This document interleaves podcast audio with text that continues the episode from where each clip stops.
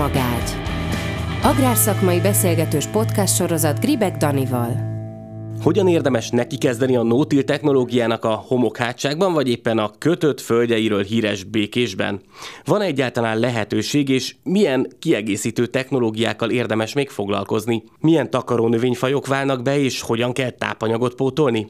Sziasztok, Gribek Dani vagyok, és ez itt a Hektár mezőgazdasági podcast magágy beszélgető sorozatának újabb része, amiben arra keresem a választ, hogy működhetnek-e a talajvédelmi agrotechnológiák homokon és kötött talajon, tehát a két véglet esetében. Ezért két olyan termelőt hívtam el a stúdióba, akik az Alföldön ezen a két kifejezetten nehéz terepen próbálnak minél eredményesebben gazdálkodni, méghozzá úgy, hogy közben ugye a talajaikkal is törődnek. Mielőtt azonban bemutatnám őket, kérlek, hogy iratkozzatok fel a hektára a különböző platformokon, hiszen azok használatával biztosan nem maradtok le a legújabb podcastjainkról, a YouTube-on pedig videóinkról. Fent vagyunk Spotify-on, Deezeren, Google és Apple Podcaston, Kövessetek minket Facebookon, Instán, és természetesen iratkozzatok fel hírlevelünkre a www.hektárpodcast.hu oldalon. Illetve most van még egy fontos információm, az Agromas Expo és Agrárgépsok kiállításon két színpadi programmal is készülök.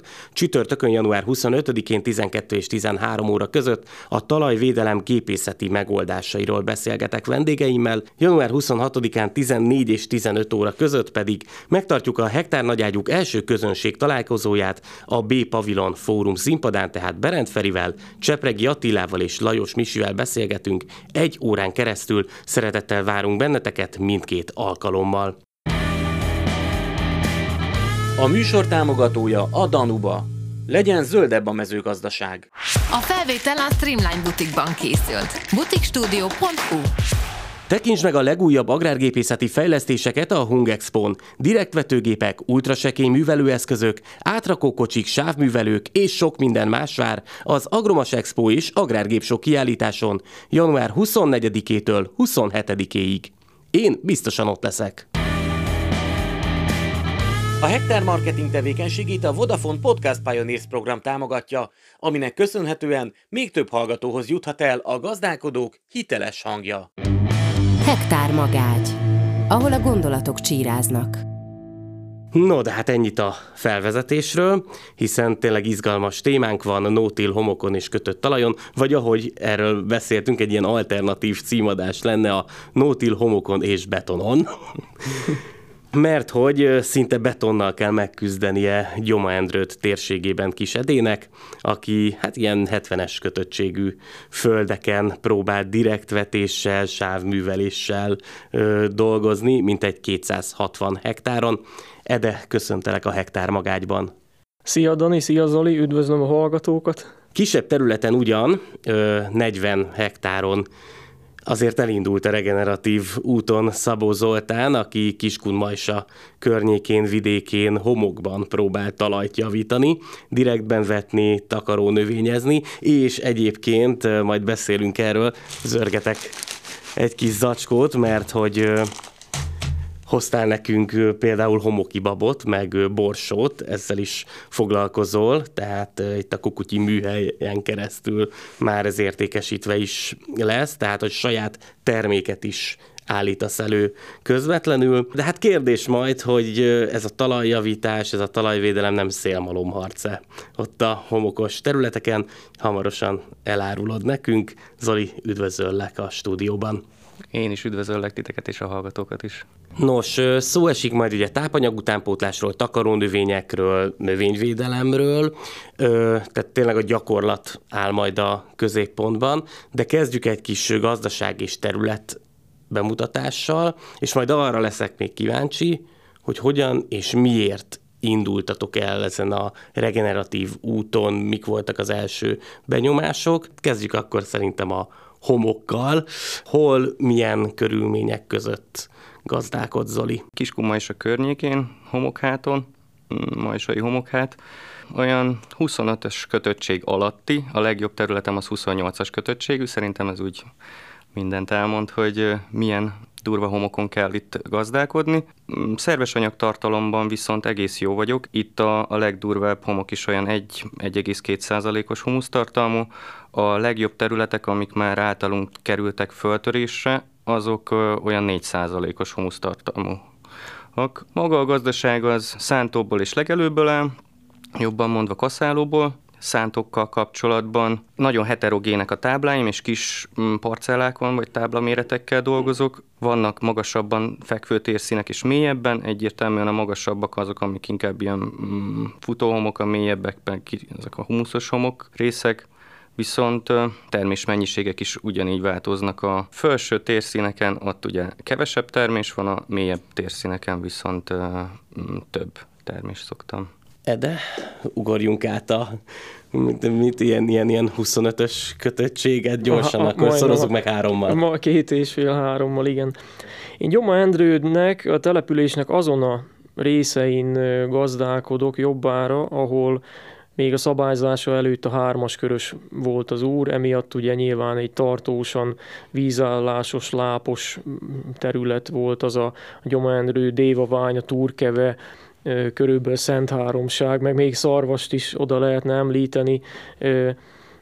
Tehát e, e, ezen a részen vagyok kénytelen próbálkozni, de mindig azt szoktam mondani, hogy ha, ha nem itt lennék, akkor valószínű, hogy nem is nagyon tudnám csinálni, mert nyilvánvalóan azért nincsen a 40 aranykoronás oldalon területem, mert ott ott, ott, ott már jobban le volt osztva minden, meg ugye úgy mondjuk, hogy, hogy mondjuk azt, hogy könnyebb volt boldogulni, nyilván emiatt ott, ott azért nehezebb volt akkor, amikor én elkezdtem labdába rúgni.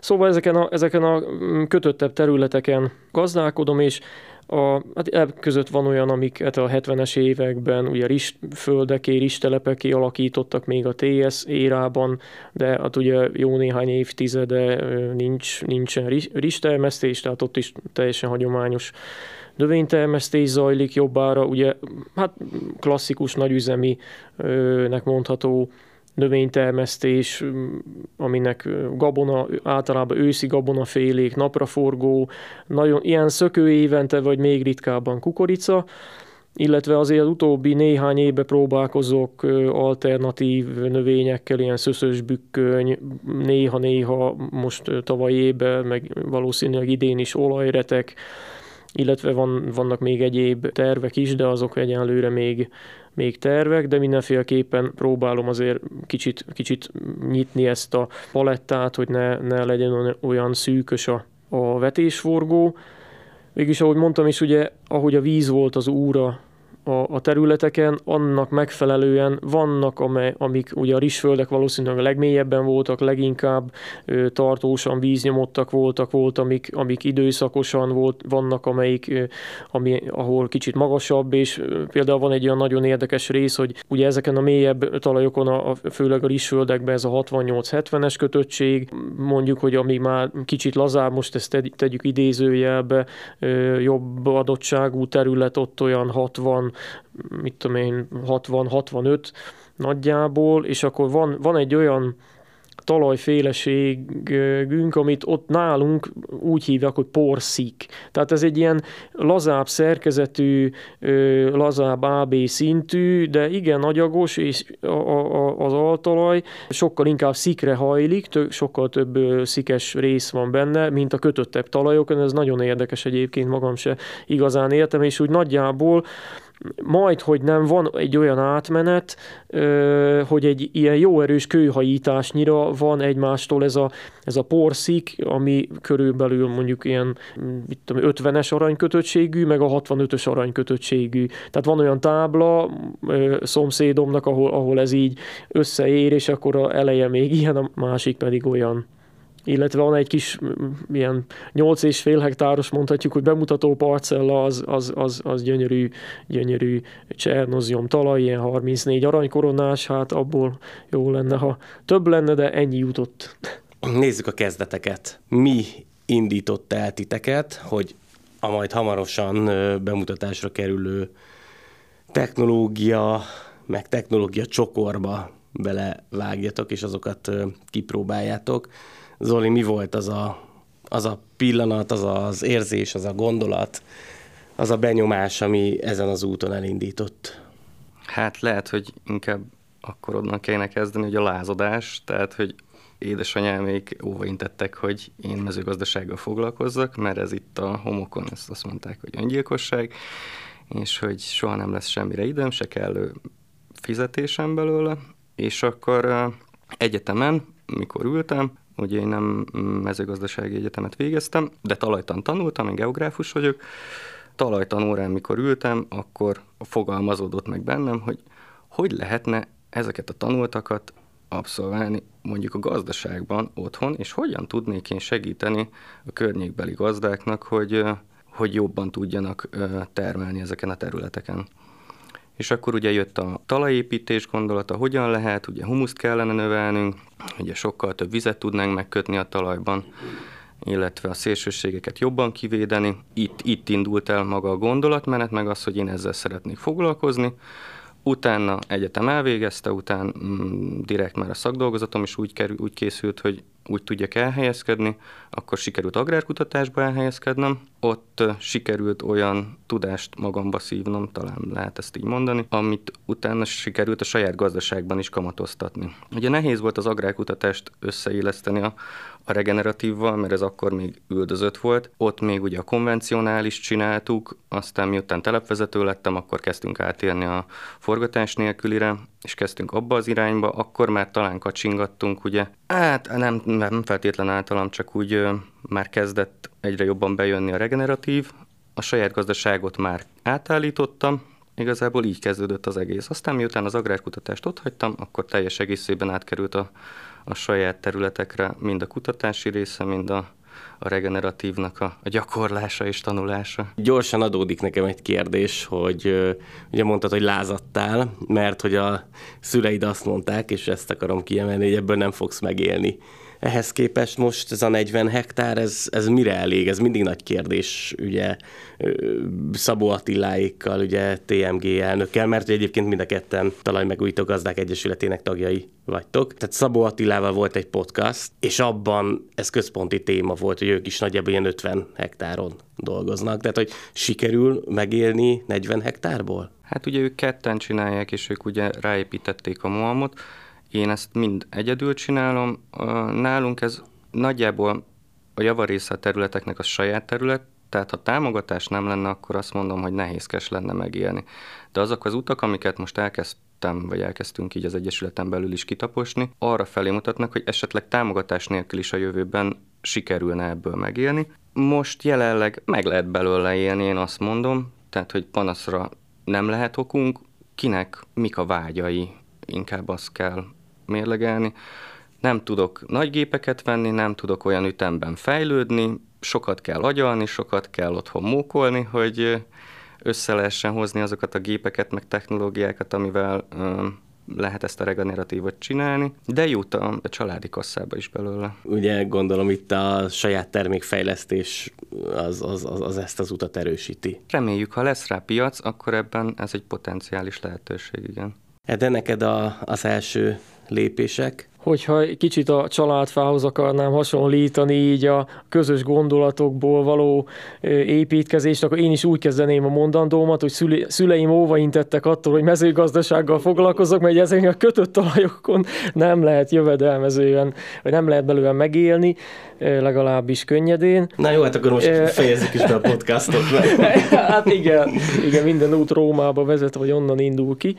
Igazából mióta a YouTube-ba találkoztam, azóta gyakorlatilag nekem a, ezek a forgatás nélküli gazdálkodás, ami, ami mondjuk mondjuk Észak-Amerikában, Dél-Amerikában jellemző, nem mondom, hogy a nótil, hanem, hanem, hanem minden, ahol, ahol a szájmaradvány fönn van a talaj felszínén, az engem vonzott, és ugye ezt egy-két ember már elmondta, hogy nem lehet a mezőgazdaságot érzelmi alapon csinálni, de én hiszem azt, hogy ugyanúgy, mint hogyha valaki hiába mondják nekem, hogy van egy kedves, aranyos, gyönyörű szőke lány, hogyha én a hosszú, sötét hajú, kicsit tüzesebbekre bukok, akkor, akkor, akkor csak úgy tudok döntést hozni, és ez a, ugyanúgy igaz a mezőgazdaságra is, hogyha ha én egyszerűen arra keresem a választ, hogy hogy lehet mondjuk szármaradványa takar talajon gazdálkodni, és az miért jó, akkor meg fogom találni rá a választ. Ha arra keresem a választ, hogy miért kéne leszántani a szármaradványt, akkor meg arra fogom megtalálni. Tehát engem, engem érzelmi oldalról mindig is megfogott ez, mindig is érdekelt. Én 2004-ben kezdtem egyébként gazdálkodni, és akkor egy ilyen félig meddig saját készítésű lazító volt az MTZ után, ezzel kezdtem el, ezt az egész forgatás nélküli dolgot erőltettem nagyon, aztán nyilván voltak buktatók, meg, meg problémák, de az igazi lökést egyébként, ami, ami hát így a szakadékba is lökött vele gyakorlatilag Kökény Attila, akinek ezúton is köszönöm, mert most akkor nem lennék itt valószínűleg. Sokan vannak így ezzel szerintem, hogy... Ugye, ugye a 2010, emlékeim szerint olyan 2010... Bocsánat, Zoli, Zoli is rábólintott, hogy igen, igen, Kökény Attila rá is hatással volt. Igen, bocsánat. Tehát olyan, szerintem nálad is úgy lehetett, olyan, olyan 15 telén jelenhetett meg a, a tudatunkba, hogy úgy mondjam, mondjam, Attila és az ő, igen, ő, igen, ő, igen, ő, és ő, akkor... dolgai, és akkor ugye 16-ban tavaszán én ezt már úgy kezdtem el, hogy itt most már pont egy olyan szerencsés vagy szerencsétlen összjáték volt, hogy a 15 ősze az nagyon-nagyon csapadékos volt, és akkor nekem egy csomó tarlóm úgy maradt, gabona tarlóm, nem csináltam vele semmit. Hát mondom, akkor hát itt, a, itt az alkalom, és akkor most már nótillezni kell, és akkor azonnal fejjel mert indultam neki a betonfalnak gyakorlatilag, mindenféle komolyabb tudás nélkül, és voltak már abban az évben nagyon-nagyon jól sikerült nótil táblák, és voltak, amik nagyon-nagyon nem jól sikerültek, és ugye, ugye így, így csöppentem én bele ebbe az egészbe, tehát nekem nem volt annyira nehéz, nem kellett magamat nagyon rávenni, engem inkább a, mindig inkább a féket kellett volna, hogy jobban behúzzam, teljes melszélességgel csináltam azt, amit amúgy nem javasolnék senkinek, mert, mert nem mennyire egyszerű, ez sokkal-sokkal bonyolultabb ez az egész ennél de úgy nagyjából így kezdődött az egész. Ugye nagyon sok olvasói kérdés meg reakció érkezett arra a posztomra az Agrárújságírói Facebook oldalamon, amikor ugye kitettem, hogy ma veletek beszélgetek, és Csicsó László olvasónk kérdezett pont erről, hogy mennyire kivitelezhető extrém kötöttségű, ugye 65-70 körüli belvízveszélyes talajokon a nótil, és hát biztató válasz esetén hogyan kellene ehhez hozzákezdeni. De...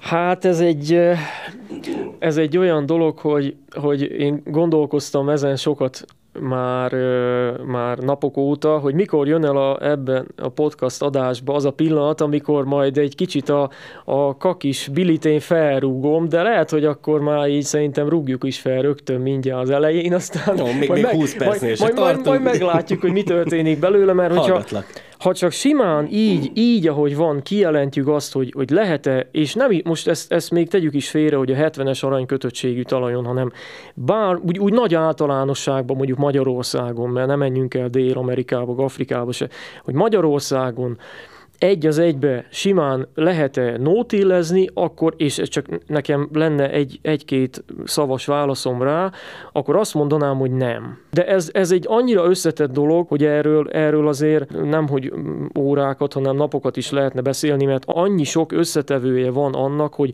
abban az adott pillanatban lehet-e nótillezni, kezdve azzal, hogy mondjuk, mondjuk a, mivel hogyha nem csinálunk semmit a talajjal, akkor mi fogja befolyásolni azt, hogy a talaj alkalmas se abban az időszakban a, a, a nótil vetésre és a, és a sikeres növénytermesztésre, az előtte lévő fél év, egy évnek a mindenféle apró kis nüansznyi dolga, mikor mennyi csapadék eset, esetleg kiszáradt-e az a talaj, milyen az a talaj például a én esetemben ugye a, ez a duzzadó, zsugorodó talajnál kicsit szerencsém van, hogy nekem ugye például nincs olyan, hogy eketalp, meg tárcsatalp. Tehát lehet olyan, hogy valaki megszántja a talajt, és akkor rögtön ott lesz egy eketalp.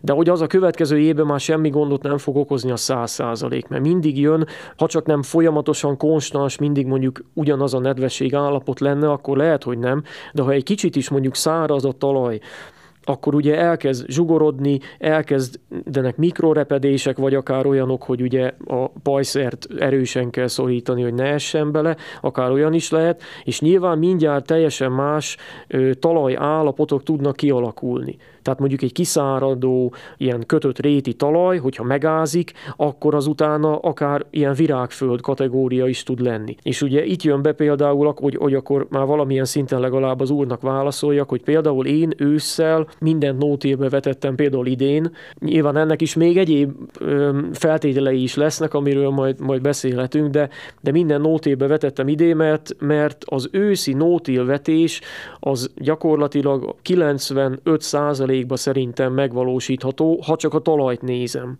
Tavaszi nótil viszont az, az egy tehát napraforgót például, vagy kukoricát, azt ugye én nem nagyon termelek, tehát nyilván eleve a talajom nem igazán szereti, a, vagy a kukorica nem szereti a talajt, vagy egymás nem szeretik de egy napraforgónál is ugye általában az szokott előfordulni a, a tavaszi vetésnél, hogy azért télen az a talaj összeülepszik. Na most nyilván itt jön be a takarónövény, hogyha megfelelő takarónövény sikerül, és itt, itt, itt nagyon kihangsúlyoznám, hogy sikerül termesztenünk, hogy úgy mondjam, előző ősszel, meg a télen, akkor fennmaradhat, és megint azt mondom, fennmaradhat olyan fokú lazultság, ami mondjuk nem is a növénynek, hanem, hanem szerintem ez az egész kulcsa, hogy a mikrobiológiának elég ahhoz, hogy a belevetett növényt képes legyen ellátni tápanyagokkal.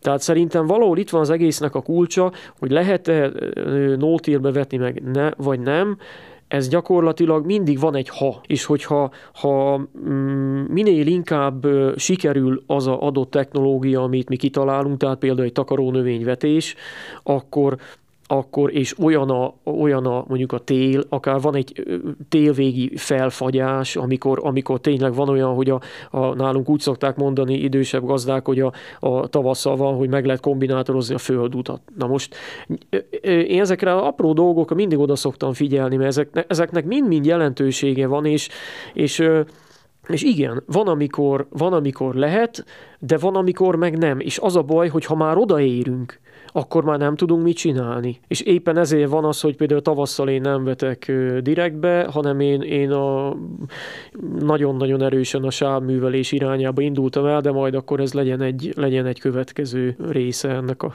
beszélgetésnek. Akkor adott a kérdés Zoli nálad is, ezt felteszem, hogy homokon lehet-e nótil technológiát folytatni?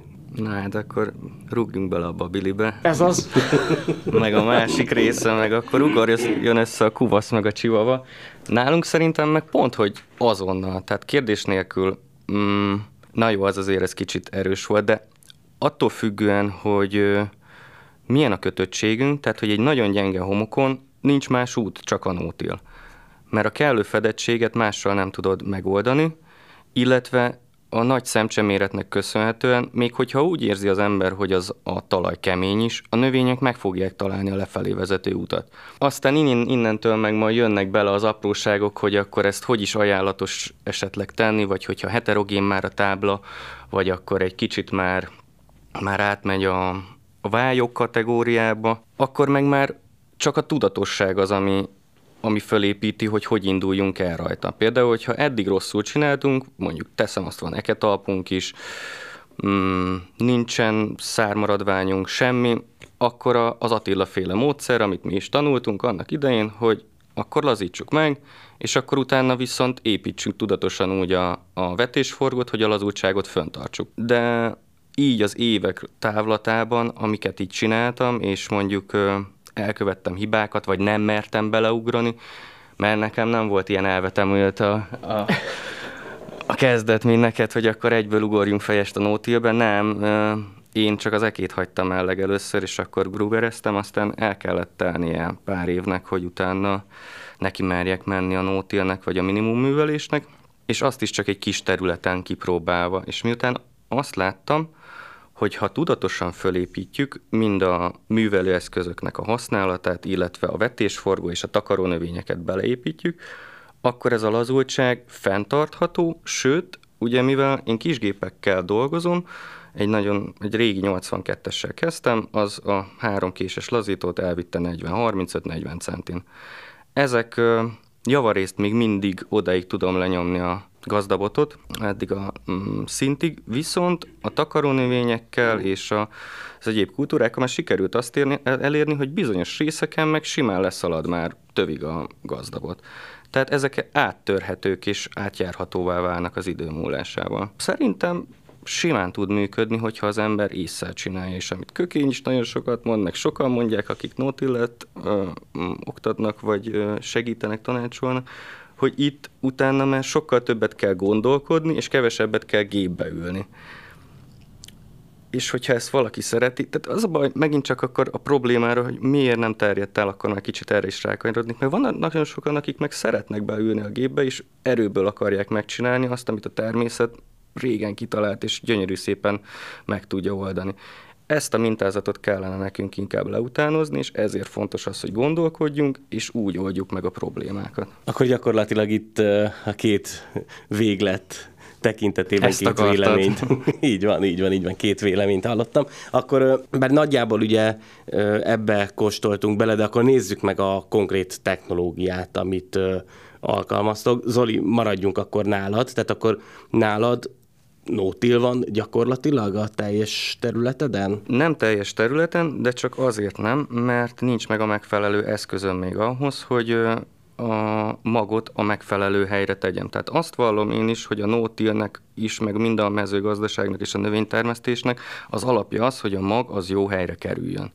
Ez kerüljön be a kellő mélységbe és a kellő takarással. Nekem egy Pöttinger Vitaszem egytárcsás vagy féltárcsás vetőgépen van, ennek megvannak a korlátai, a puha homokba, a laza homokba könnyedén bele tudok vetni direktbe akármilyen körülmények között, viszont hogyha már egy kicsit megyünk bele ezekbe a mm, vályogosabb részekbe, ott már elszalad csak a tetején, és a mag fönt marad. Tehát, hogyha valaki tökön akarja magát szúrni, akkor essen neki fallal, és akkor csinálja, vagy a falnak, és akkor csinálja, ahogy akarja, de az nem fog eredményhez vezetni. Ezért nekem is még vannak olyan időszakok, amikor minimum művelnem kell, ez egy ásóboronával történik, azt is igyekszem minél sekélyebben, mert a homokban minden beleszalad. Tehát, hogy itt ott könnyedén lehet beleszalajtani a gépeket, eszközöket. Igyekszem csak a tetejét annyira föllazítani, hogy a mag kellő helyre le tudjon menni. Egyébként milyen növényekkel foglalkozom, mert szerintem a te esetedben erről nem volt szó, bár ugye a homoki babot meg a zöld borsót azt itt kiemeltük. Hát itt is történt egy váltás. Ugye én is a hagyományos növényeket termesztettem eddig, de aztán mivel ebben csökkent a potenciál, így fordultam én is, meg azt látva, hogy a talaj csak úgy tud épülni, hogyha a hüvelyeseket beépítjük, vagy visszahozzuk, ezért én átfordultam ebbe az irányba. Először a köztesvetésekkel, vagy termesztésekkel, aztán most meg már inkább csak tényleg a hüvelyeseket próbálom, hogy ezzel építsem a talajt, és ezzel pótoljam a nitrogént, és utána erre ráépítve majd egy vetésforgót próbáljam meg gazdaságossá tenni a termelést, és minél jobb talajállapotot és talajás egészséget elérni. Hogy ez konkrétan hogy néz ki, hát akkor kezdjük inkább azzal, hogy általában eddig úgy történt, most ez megint váltás alatt van, hogy őszit követett tavaszi vetés. Az őszi ugye lekerül mondjuk június-július környékén, utána volt egy pihentetett szakasz, abba vagy minimum műveléssel, vagy direktvetéssel belekerült a takarónövény, ez egy saját keverék volt, minél több faj, de minél olcsóbban, és utána ez áttelelt, végigment, és ebbe jött bele direktbe a hát volt, amikor napraforgó, az nem sikerült, arról is majd beszélhetünk, hogy miért nem, és hogy ennek mi a hátulütője, mm, illetve a kukorica. Az viszont már mm, hát három évig volt így direktben, most már az kikerül a vetésforgóból. Helyette most bekerül majd a homokibab, illetve köles fog belemenni. Akkor most már kapva kapok az alkalmon, hogy mi volt itt a napraforgóval a probléma.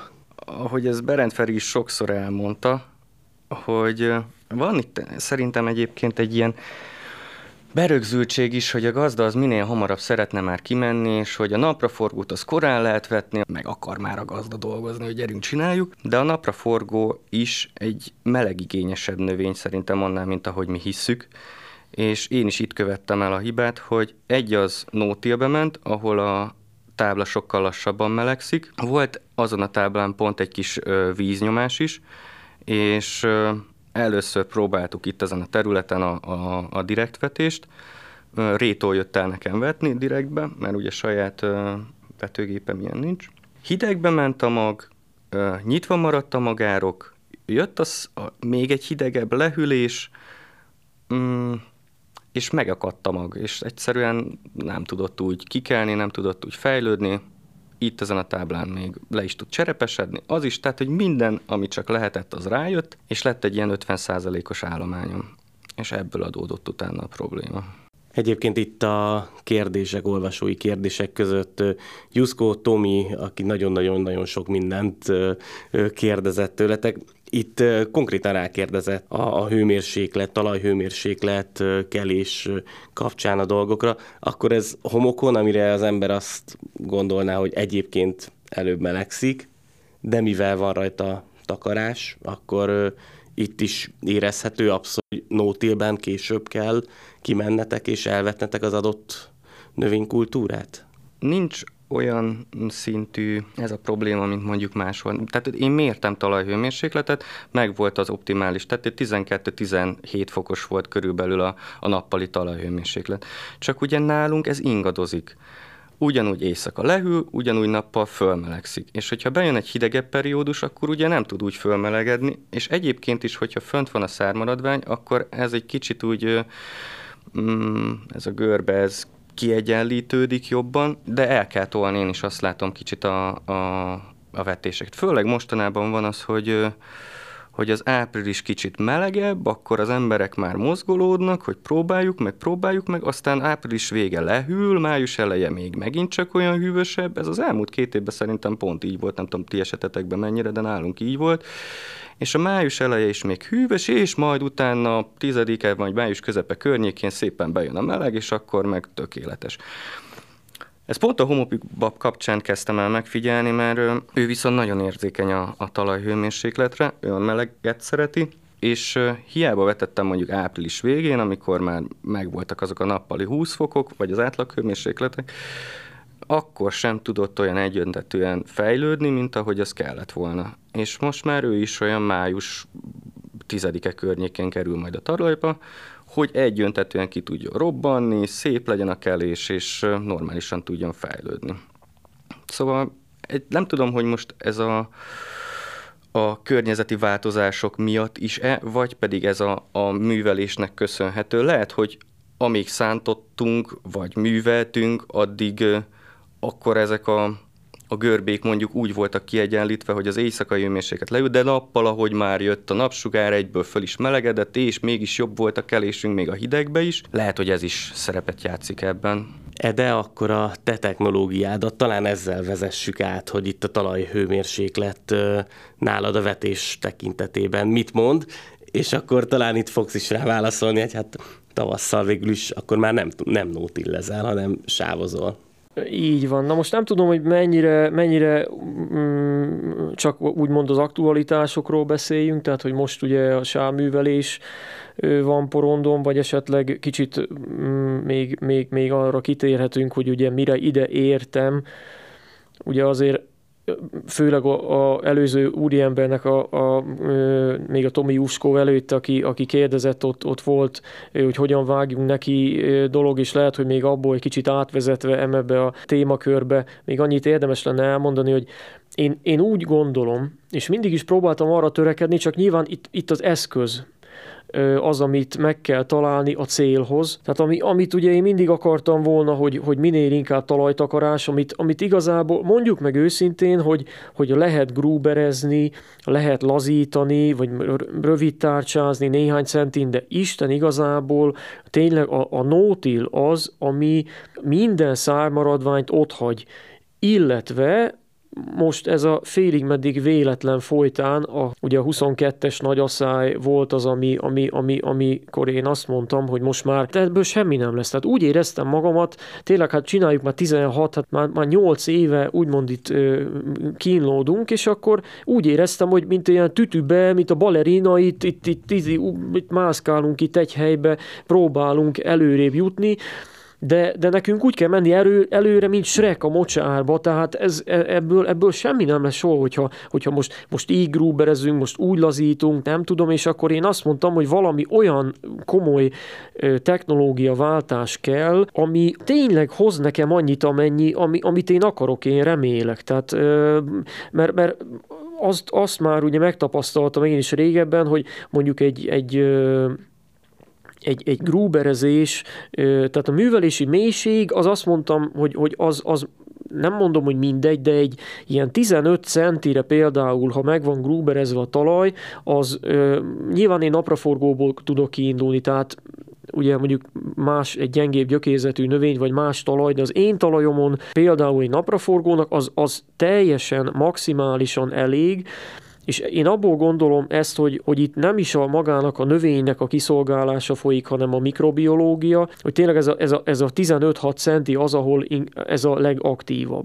És egyszerűen onnantól kezdve már a kelés robbanásszerű, tökéletes, a, a, a növekedés, mint amit, amit, hogyha megfelelő a talajhőmérséklet, ugye, hogy kanyarodjunk erre rá, akkor, akkor robbanásszerű a kelés, növekedés onnantól, mint amit puskából lőttek ki, de akkor is meg kell grúberezni, és akkor, és akkor már elveszítem a takarásomat, akkor már tavasszal simogatni kell, akkor már porosítom, rombolom a szerkezetet, és, és én ezt nem akartam. Akkor ugye hát álmomban nem gondoltam még 22 mondjuk júliusba, hogy másfél hónap múlva lesz egy RTK rendszerrel egy traktorom, szóval ennyire hirtelen jött ez az egész változás, meg sávművelés, meg ilyenek. Én, én azt mondanám, hogy aki ezt az egészet el akarja kezdeni, tényleg mondjuk akár a szántástól, annak egyrészt nagyon nem lesz egyszerű dolga, mert hogyha tényleg egy nagyon komolyat akar lépni, akkor az, hogy, hogy elteszi az ekét és, és grúberezik, mondjuk most azt mondom, hogy tarlóhánt, aztán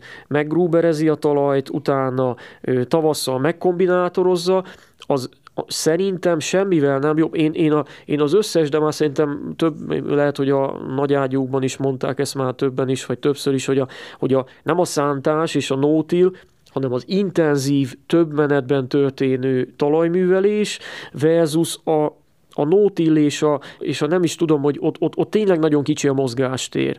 Tehát amikor már, ott már a nótil, ezek minimum til, meg, meg, meg nem tudom, ez mind-mind olyan, hogy egy, hogy egy ilyen, ilyen, ilyen, ilyen ráhúzzuk egy kicsit a, a regeneratív mezőgazdaságra, hogy most minimum till. Mondom ezt úgy, hogy azért ö, még mielőtt valaki azt gondolná, hogy én, én most itt ö, nagyot akarok mondani, vagy piedesztára emelni magamat, nekem is például idén most van lazításom, tavaszi ö, például olajretket, azt lazításba fogjuk vetni. Volt ö, akarat arra, hogy sávművelésbe legyen vetve, de nem érkezett meg időben a sávművelő, és akkor már azt már nem akartam megkockáztatni, hogy ugye még a napra forgónak most valószínűleg a talaját azt márciusba szeretném megsávművelni, azt semmiféleképpen nem akarom nem akartam már lazítani, de a olajreteknél ezt azért nem akartam megkockáztatni, mert ott azért már március elején vetni kellene, tehát az egy, az egy, az egy problémásabb valami. Úgyhogy egyáltalán nem arról van szó, hogy, hogy én most elítélek bárkit, aki nem sávművel, mert én már azt csinálom, én inkább ezt, ezt csak, csak azért mondom, hogy, hogyha, hogyha én magam úgy érzem, hogy eddig, eddig megvolt a cél, de valójában nem, nem úgy haladtam felé, ahogy, ahogy akartam volna. És nekem ez a sávművelés az, ami egy kicsit nekem ez olyan, mintha a kecske is jól lakik, és a káposzta is megmarad, mert ezt azért a sávművelést is lehet csinálni 30 cm mélyen, de lehet csinálni 15 cm mélyen is, meg, meg lehet úgy, hogy a sor az korom fekete idézőjelbe, tehát teljesen tiszta, lehet úgy is, hogy a Nagy Dani mondta ezt a a, a, amikor ö, veled beszélgetett, hogy, hogy ők a sortisztítót nem is mindig használják, mert a kés is dob annyit félre, amennyi, amennyiben már bele tudnak vetni, és akkor még jobb a takarás. Tehát, hogyha csak, hogyha csak a mikrobiológiát nézem, hogy valószínűleg az elég a, a, annak, hogy mondjuk a napraforgóm az, az, az jól működjön, akkor lehet, hogy egy 16 centin akár elég sávművelni, és hogyha mondjuk tényleg egy kapás kultúrát nézek, hogy 75-76 centinként van megsávművelve, 16 centi mélyen, az azért talán nyilván nem, nem no-till, tehát nem, nem is állítom ezt, hogy no-till, mert azért még egy, még egy külön fokozata ennek az egésznek, csak nem biztos, hogy bármikor is azt el tudjuk érni. Biztonsággal. Mert hogyha ez nem pénzre játszanánk ezt a játékot, akkor teljesen mindegy lenne. Akkor vetnék én is direkt, aztán hát most másfél tonna lett, vagy két és fél, vagy három. Hát jó, hát most na. De a talajt tudnám építeni de, de mivel itt azért ez, ez főleg azért az utóbbi néhány évben azért nagyon kiélesedett a dolog, így én úgy gondolom, hogy, hogy, hogy, hogy ezt biztonságosan kell csinálni. Valójában ez, ez egy nagyon jó kérdés, hogy tényleg hogy kezdje el valaki mert egy, ez egy akkora váltás egy ekéről, egy, egy lazítóról, Gruberről, hogy, ott, hogy, hogy ugye precizitás nélkül mondjuk sávművelésbe, tehát úgy értem, hogy egy mondjuk RTK kormányrendszer nélkül, vagy kettő, mert akkor vetni is kell, valószínűleg nem ugyanaz a gép fogja csinálni. Tehát nyilván az azért beruházás igényes dolog, ez, ennek, ennek, ennek akkor lehet esetleg majd könnyebbsége, hogyha hogyha ez egy kicsit elismerté válna, népszerűbb lenne, és akkor, akkor ugyanúgy, ahogy most vannak, akik bérbe műveltetik a földjüket, és akkor mondjuk megszántatják, vagy meglazítatják valakivel, hogyha, hogyha minden faluban lesz három sávművelő, akkor meg sávművelteti valakivel, és akkor utána akár egy SPC-vel bele lehet vetni. Tehát, tehát onnantól kezdve, hogy meg van sávművelve, egy 50-es MTZ-vel, SPC-vel, mindegy, hogy négy soros, mindegy, hogy hat soros, a sortávolság a stimmel, akkor kézzel bele tud vetni. Még a tavaszi vetést egyébként azt, azt tényleg, ahhoz még kormányrendszer se kell, kicsit nagyobb odafigyelés, sorközműveléstől egy kicsit még könnyebb is. Tehát, tehát meglepően viccesen könnyen bele lehet vetni. Nyilván jobb, hogyha magától megy a gép egyértelmű, de ezt meg lehet csinálni. Tehát, hogy hogy kezdjünk bele, hát nem, nem is olyan egyszerű ez a dolog. És akkor még, nem, még, még egy szót nem ejtettünk arról, hogy takaró növény, hogy az mit, meg hogy, csak maga, maga a gépesítés. Tehát mm, nekem is van otthon olyan lazítóm, amit, amit szépen felújítottunk, homokszoltunk, lefestettük, és akkor három éve ott van letéve, mert, mert, mert nem vettük elő, nem is akarom elővenni, de, de, de ott van mint most ez a másik lazító is, ami, amit most ugye a olajretek táblánál alkalmaztunk, ez is, ez is megvan, pedig már egyszer majdnem eladtam egy jó barátomnak, innen is üdvözlöm Abony, Abonyváros lakóit, és ugye talajt építeni úgy, hogy mondjuk el is vetem a takarónövényt, de utána majd beleforgatom. Főleg egy lazább, lazább talaj. Tehát, tehát amikor látom azt, hogy tavasszal mondjuk egy homok talajon is mondjuk két menetbe csinálnak magágyat, ez amúgy is még, még, még, még nálunk is a 70-es kötöttségű talajon, mikor két-három menetbe csinálják meg a, a, a magágyat sokszor, én, én, én sajnálom. Tehát régen, mikor néztem a videók, hogy ú, megy a gyönyörű, nagy, nagy piros, ilyen-olyan színű munkagép, és akkor 12 méteres kombinátor milyen szép a nagy táblába, és akkor porol, az nekem már most bántó, egy, tehát a szememnek, meg úgy a, úgy a lelkemnek. Tehát, hogy én, én ugye átszellemültem elég rendesen ezzel a regeneratív dologgal is, és nekem az, amikor azt látom, hogy porol valami, az mindig egy, tudom, hogy az rossz. Tehát az egy, az egy rombolás részben ugye a mi kérdésem volt, hogy a talajhőmérséklettel te hogyan tudsz, vagy ahhoz hogyan tudsz idomulni. Ugye a sávművelésnél el szokták mondani, hogy sávművelés nagy előnye, hogy gyakorlatilag abban a sávban, ahol végigment ugye a gép, ahova majd bekerül a, a vetőmag, az ugyanúgy melegszik, mint a konvencionális gazdaságoknak a táblái. Nálunk nem, nem, nem a melegedés a legnagyobb probléma szerintem, hanem én a saját példámból, a 23-as tavaszból kiindulva, ismerőseim közeli gazdálkodókkal tudom ugye magam összehasonlítani, és abszolút egyáltalán nem, nem semmilyen nem negatív felhangként akarom ezt mondani, de ugye az a különbség, hogy én nekem a sávok azok elkészülnek, vagy elkészültek ugye 22 mondjuk szeptemberben, úgy nagyjából, meg októberben, viszonylag sima felszínnel, én azzal, azzal abszolút semmit nem csináltam, és a, a melegedés az egyik dolog, de a vetésre alkalmas, optimális, közeli nedvességi állapot, az viszont egy másik dolog, ami nálam hangsúlyosabb is. Azok, akik úgy, úgy, úgy szerencsét lenebbül, hát most csak ezt tudom mondani, mert akkor máshogy nem nagyon lehetett csinálni, de 22 őszén mondjuk lazítással csinálták a alapművelést, nekik azért jóval hantosabb lett a terület, és ugye ez tavasszal egy kicsit talán hamarabb is a nagyobb felület miatt nagyobb volt a párolgás, hamarabb rá tudtak menni, mondjuk megkombinátorozták egy sorral, Ebből kifolyólag az még jobban szikkadt, és utána április, mit tudom én, elején már megkombinátorozták még egy sorral, és mire utána néhány nap múlva ment a vetőgép, addigra ez már elbírta jobban a traktort, tehát szerintem kevesebb tömörű, tömörítéssel meg tudták csinálni a vetést. Én viszont nem csináltam semmit az egésszel, a szalma a sor közben ott volt, a sorokban ugye a bolygatatlan talaj az mindvégig nedvesebb volt sokkal, mint, mint máshol, és ugye emiatt nekem azért, nekem, nekem egy kicsit tolódik a vetésidőm.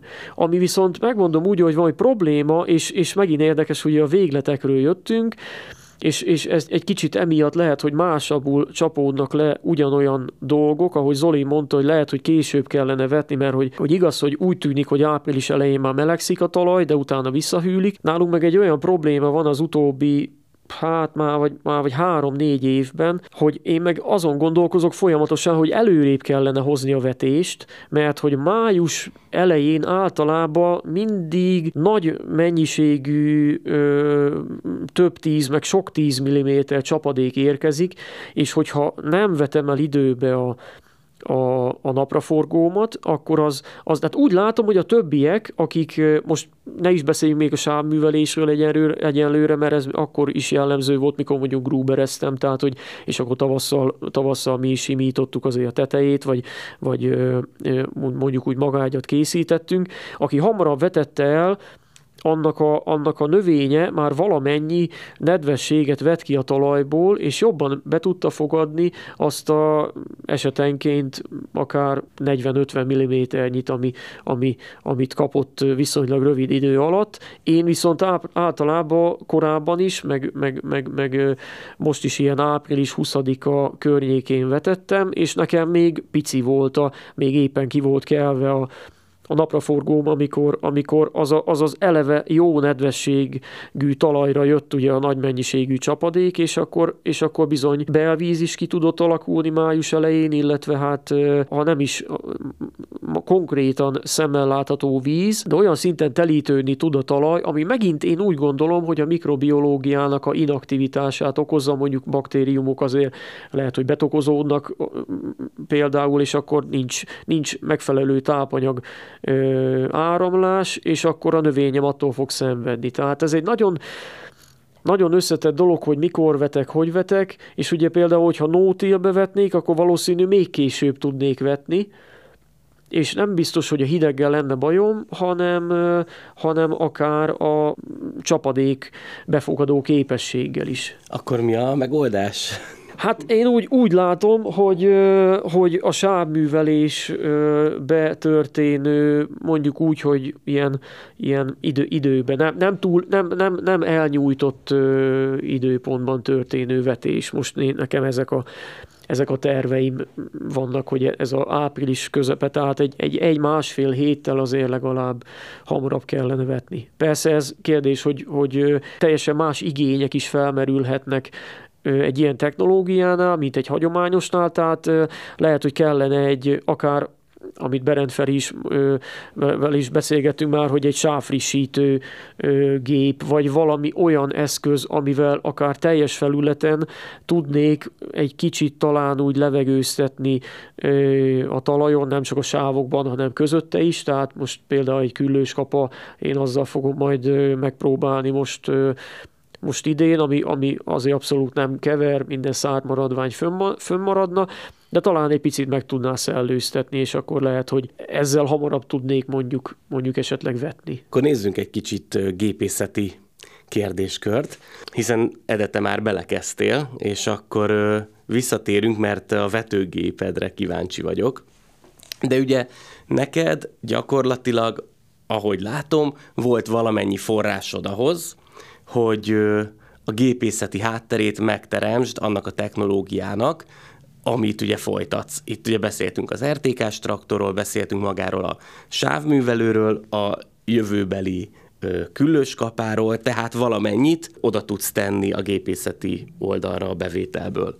Zoli, viszont te itt az elején mondtad, hogy nem tudtál úgy haladni, nincs akkora bevételed, hogy, hogy mondjuk ekkora beruházásokkal megtámogasd a, a technológiádat, viszont itt már azt is említetted, hogy például Rétó jött hozzád direktben vetni, tehát gépészeti szempontból neked mik a lehetőségeid, mik a céljaid, és a kettő között hol tartasz, mit hogyan tudsz megvalósítani?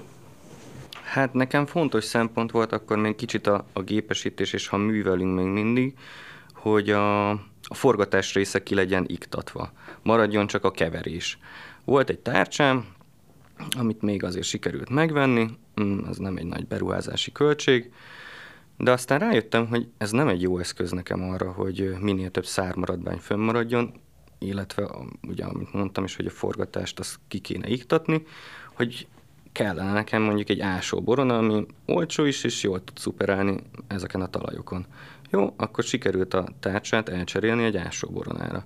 Onnantól kezdve már adott volt, hogy szármaradvány egyre több maradt fönt, lazultságot a vetéshez elérem. Ez volt az, ami egy, nem egy beruházás igényes dolog, de ha valakinek erre nincs lehetősége, akkor csak az odafigyelés a, a lényeg, hogyha már van egy tárcsája, és mondjuk az még ugye a régi hagyományos domborulapos tárcsa, akkor azt ne agyig járassa benne, mint ahogy ezt szokták, mert hogy azt csak úgy tud működni a tárcsa, hogyha az tengelyig jár, valahogy ezt én nem tudom befogadni, hogy ez, ez, ez homokon, hogy ez, ez valami fét is, hogy addig kell nyomni a tárcsát, amíg bele tud menni a földbe. De nem, hát ugye lehet azt beállítani is, és hogyha már precízitásról, vagy precíziós gépekről beszélünk, nem ott kezdődik a, a precízitás, hogy van egy precíziós eszközünk, hanem van egy precíz ember, aki be tudja a hagyományos eszközöket állítani. Tehát akkor teszem azt, tényleg csak a tárcsát is megpróbáljuk elszalasztani a talaj felszínen. Hogyha már beszéltem a lazításról, hogy azzal kezdjük el, hogyha nincs is lehetőségünk megvenni egy eszközt, de ki tudunk bérelni, és vagy pedig meg tudunk, ha bízni is valakit azzal, hogy az első lazítást azt megcsinálja, utána meg észre fönn tudjuk tartani a lazultságot. A vetés az már egy problémásabb rész, mert hogyha valaki be is van rendezkedve a konvencionálisra, és teszem azt, van is egy vetőgép, az általában még szerintem túlnyomó részt, akik kisgazdaságok, nekik egy csúszócsoroszjás vetőgépük van. Na, itt ez már nehéz. Láttam én is a Facebookon olyan képeket, akik tudtak gyönyörű szép vetést abszolválni csúszócsoroszjával is, de itt azért én kicsit kritikus lennék, mert, mert nem feltétlen biztos, hogy mindenhol el tudod érni azt a mélységet és az optimális helyre belerakni a magot. Szóval ott minimum egy, egy tárcsásgépnek lennie kell, ami, ami oda tudja tenni a magot.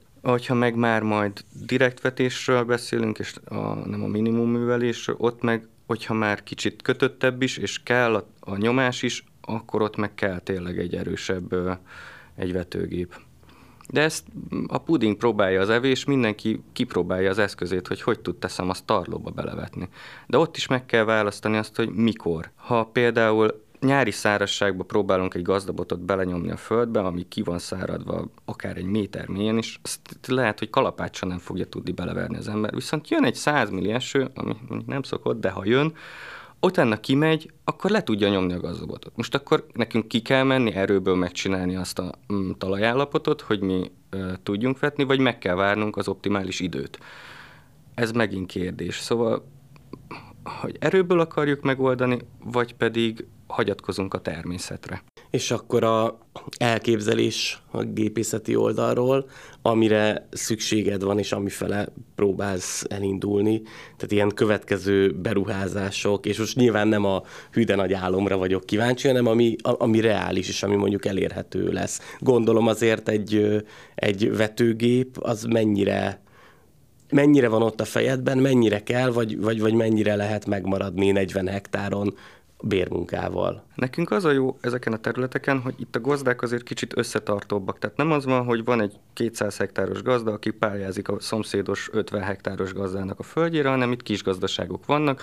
Mi beszélünk egymással és segítünk egymásnak hogyha nem sikerül valamit magunknak megoldani, akkor megkérjük a másikat, ha ő se tud segíteni, akkor ugye bérmunkához folyamodunk. Nekem van egy vetőgépem, ezzel sok helyen el tudok vetni direktbe, minimum művelésbe, szoktam is csinálni, de vannak korlátai a vetőgépnek, és ezt szeretném lecserélni. Volt tervben, hogy eladom és veszek helyette egy direkt, direktvetőt, csak nem tudtam árérték arányban olyan cserét csinálni, ami számomra megfelelő lett volna. Most próbálkozunk egy olyannal, hogy építsünk akkor magunknak egy direktvetőt. Itt szerintem volt is a kommentek között kérdés, hogy késes vagy pedig, vagy pedig tárcsás vetőgép. Nálunk homokon a legnagyobb probléma az maga a homokból adódik, hogy ha csapágy van, az tuti, hogy teli megy homokkal. Bármilyen záró lehet rajta, de, de, a homok az mindenhova belemegy, és mindent fölzabált. Teszem azt nekem, van a vetőgépen 25 tárcsám, azon van 25 csapágy, akárhogy is vigyázok rá, vagy pedig próbálom, azt 100 hektáronként le kell cserélni az összeset. Nem bír ki többet, hiába veszek jobbat, nem, nem, nem. És ezért ö, szeretném én inkább a késeset. A másik ö, esetleg előnyöm, minden, minden rendszernek megvan az előnye és a hátránya. A tárcsással talán jobban lehet mélységet tartani, mert ugye a mélységhatároló kerekekkel, akár lehet a tömörítés is jobb, meg, meg nem, talán precízebb egy kicsit a, a tárcsás rendszer, de a késes rendszerre meg amit megmártam, és majd el tudsz mondani tapasztalatban, az átmegy mindenen, az nem, nem foglalkozik semmivel, az megy és, és nyomja bele a, a magot. És ott is vannak olyan helyzetek, amikor a, a késes a jobb, teszem azt egy nagy szárkupac, mondjuk kukoricaszár, amit kidobott a kombánya a forgónál, és abba egy tárcsás rendszer át fog szaladni, a késes az viszont át fogja vágni. Ha átszalad rajta, ugye emelkedik a, a csoroszja, a magot a mulcsba fogja tenni, nem jó helyre kerül. A késes viszont eltúrja a, a mulcsot, és alá fogja rakni bele a talajba. Én most e felé fordulok egy kicsit, hiába nem annyira szimpatikus nekem a precizitás hiánya miatt a, a késes, de most ebben meg azért, mert ugye fajék egyszerű, és nem kell csapágyakat cserélnem állandóan. Szóval a terv az az, hogy szeretnénk építeni egy ilyen késes, többen összefogva építeni egy ilyen késes rendszerű vetőgépet, egy régi vetőgépet átalakítva, és ezt szeretnénk majd próbálgatni. Ha ez nem válik be, akkor viszont mm, kényszerülünk arra, hogy valahonnan vegyünk egy olyat, ami, ami már működik. Eden állatok, ha jól tudom, akkor rád vetőgép van, ugye? Így van. Késes. Így van, igen. Én csak annyit mondanék, hogy a magnak egy a lényeg, hogy ne legyen a fő tetején, nem kell itt annyira ezt túldimenzionálni, sőt, mindenféleképpen kerülni kell a túl mélyrevetést. Egy néhány éve már tudom én egy-kettőtől a maximum 5 centig vetek mindent, nem is, nem is állítok semmi, semmit a vetőgépen, csak ha maximum a talajállapot miatt esetleg valamiért mélyebbre vagy sekélyebbre kerül a mag, de amúgy mindenféle magot mérettől függetlenül ebbe a mélységbe vetek, és szerintem kezdjük ott, hogy megint a átállás és akkor a gépesítés, hogy én ugye hogy kezdtem, ott 16 őszén, ugye az őszi, ha már egyszer gabonavetésről van szó, hogy kezdtem el a, a, a nótil őszi vetést, Hát ugye nekem egy egytárcsás, elég jó, komoly gabona vetőgépen volt, nem azért, mert hogy, hogy nem, nem akartam volna más miatt, hanem igazából ugye nem, tehát használtan ez, ez volt, ami leginkább elérhető volt, és az volt a terv, hogy ez, ez igaz nem direkt vetőgép, de azért ezzel bele lehet tenni a magot a talajba, majd átvágja a szármaradványt, és akkor gyönyörű szép lesz. Öreg szerkezet volt, Hát akkor vessünk direktbe, napra forgó tarlóba, hát mi baj történhet. Hát az lett a probléma, hogy a 16-os ősz az olyan a Nótilhez képes brutálisan nedves volt, amúgy aki művelte a talajt, annak megint, megint ugye bejött ez, amit a, a tavaszi vetésnél is mondunk, hogy a, a, a megmozdított talaj, azután hamarabb vissza is, vissza is szárad, és akkor lehet vetni.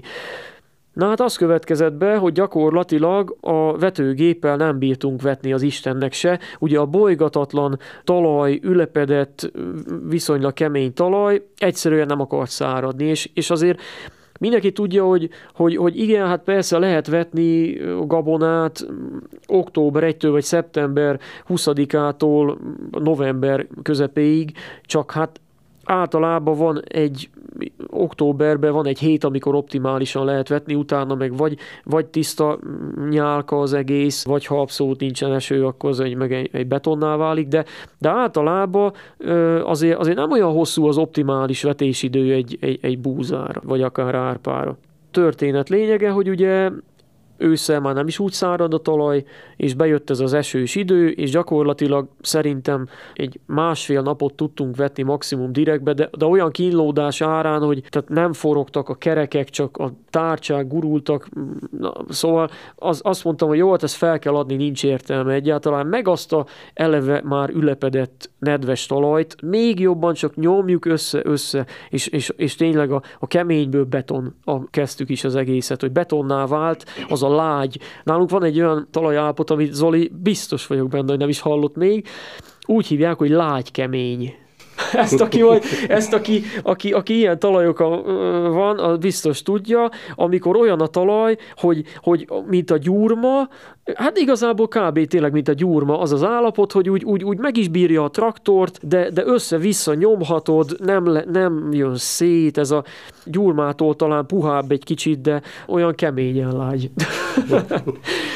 Na mindegy, feladtuk ezt a vetést, és akkor hát kezdődött a kókányolás, műtrágya szóróval elszórtuk, és akkor hát még tárcsázni se bírtam már, akkor a sima tárcsa az is beragadt volna, és akkor elkezdtük, elkezdtük Gruberrel bekeverni, de hát az sok minden volt, csak éppen jónak mondható nem. Azért én így, mivel a saját munkámat azért megengedem magamnak, hogy minősítsem, tehát egy kókányolás volt a dolog, végül 17-ben egy olyan elfogadható termés lett belőle végül, de nem azt mondtam, hogy soha többet, és ugye itt jön be a képbe az, hogy ugye én is a, a késes vetőgép felé mozdultam el, többek között emiatt nagyon, mert mert nálunk ez egy, ez egy nagyon, nagyon valós probléma, hogy ősszel nem úgy szárad a talaj, és egyszerűen amikor én például a radvetőgép én, amikor tudok vetni, akkor mondjuk egy tárcsás szinte azt mondom, hogy bármilyen vetőgéppel még nem tud senki.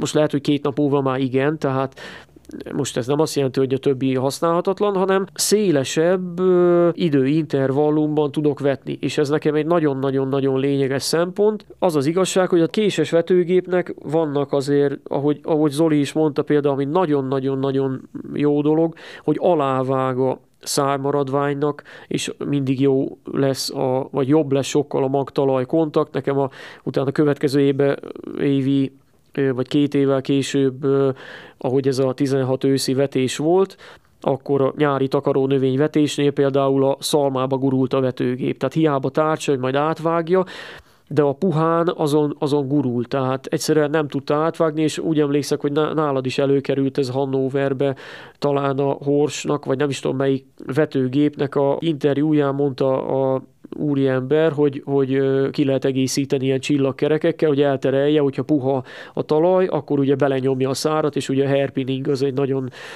nem kívánatos jelenség. Így van, ez Száz Zoltántól hangzott el Hors no. standján. Nézzétek meg azt az adást, aki még nem hallotta. Az összeset, az összeset. az meg az összeset is kétszer.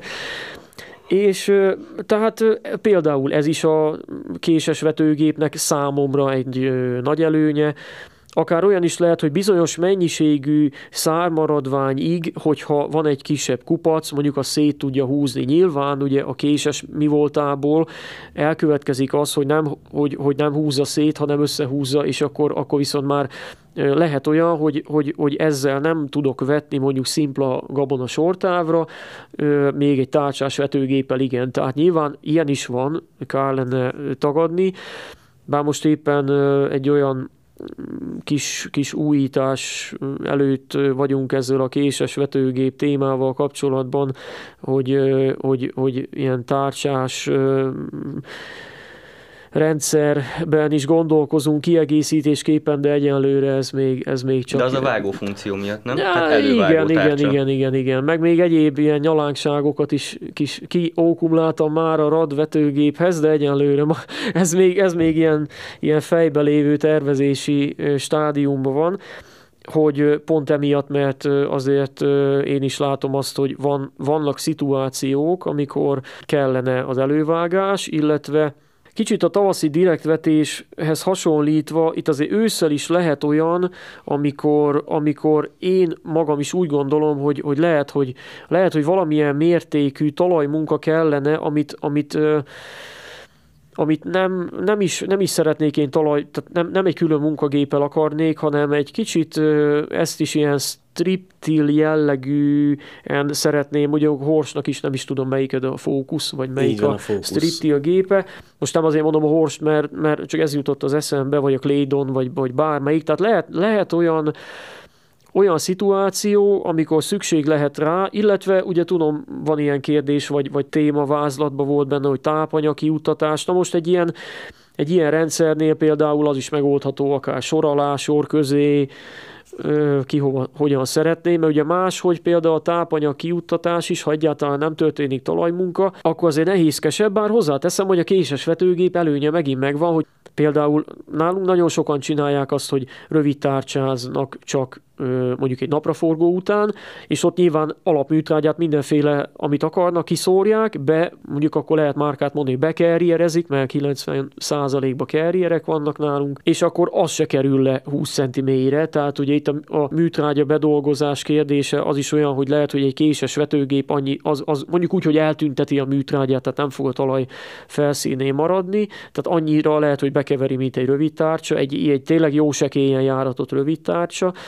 Úgyhogy van egy, van egy ilyen funkció is, illetve akkor megint, megint azt mondanám, hogy ha már, ha már itt tartunk, akkor, akkor kicsit kiegészíthetjük azzal, ami lesz majd egy, egy olyan téma is, hogy a keréknyomok kérdése hogy a késes vetőgép azért megdolgozza a talajt, és egy tárcsás vetőgéppel nem tudom, hogy mennyire valós probléma ez, hogy egy ilyen egyenetlen talajnál az egyenetlen is marad.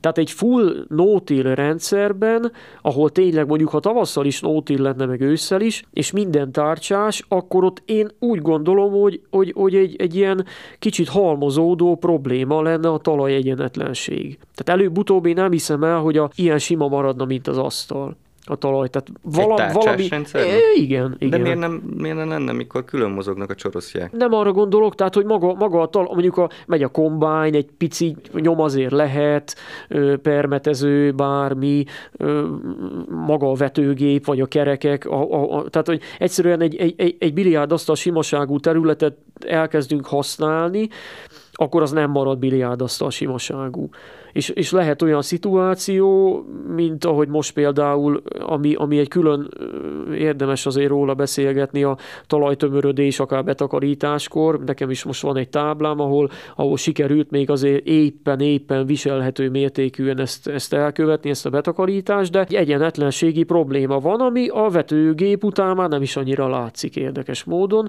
mert annyi, annyit bolygat rajta. Tehát megint, megint a késes vetőgépnek egy, egy plusz pozitív hozadéka ez a, ez a kicsit egyengető funkció. Például, hogyha valakit érdekel, akkor a Claydon már említett direktvetőgépre keressen rá, és vannak, vannak videók, ahol ahol a első és a második búzát nem ugyanabba a irányba vetik, hanem egymással szögre. Tehát nekem is volt ilyen gondolatom, hogy lehet, hogy majd csinálok olyat, hogy, hogy a, ha úgy érzem, hogy akár ott a stripti, mert hát nyilván az se fogja egyengetni a talajt túlságosan, és hogyha olyan lesz a felszín, hogy azt mondom, hogy ilyen striptilezett terület után ősszel vetnék, és, és, és mondjuk kicsit simogatni kellene, akkor simán ö, leszek olyan elvetemült, hogy elvet, elvetem szögbe, mint ahogy mondjuk meg rövid tárcsáznám, aztán majd permetezni meg a, ugye jó, nyilván ez nem árt, hogyha kormányrendszer van, mert azért ott az ember szeme szerintem mindenfele állna három kerülő után, ha szögbe kellene járni, de,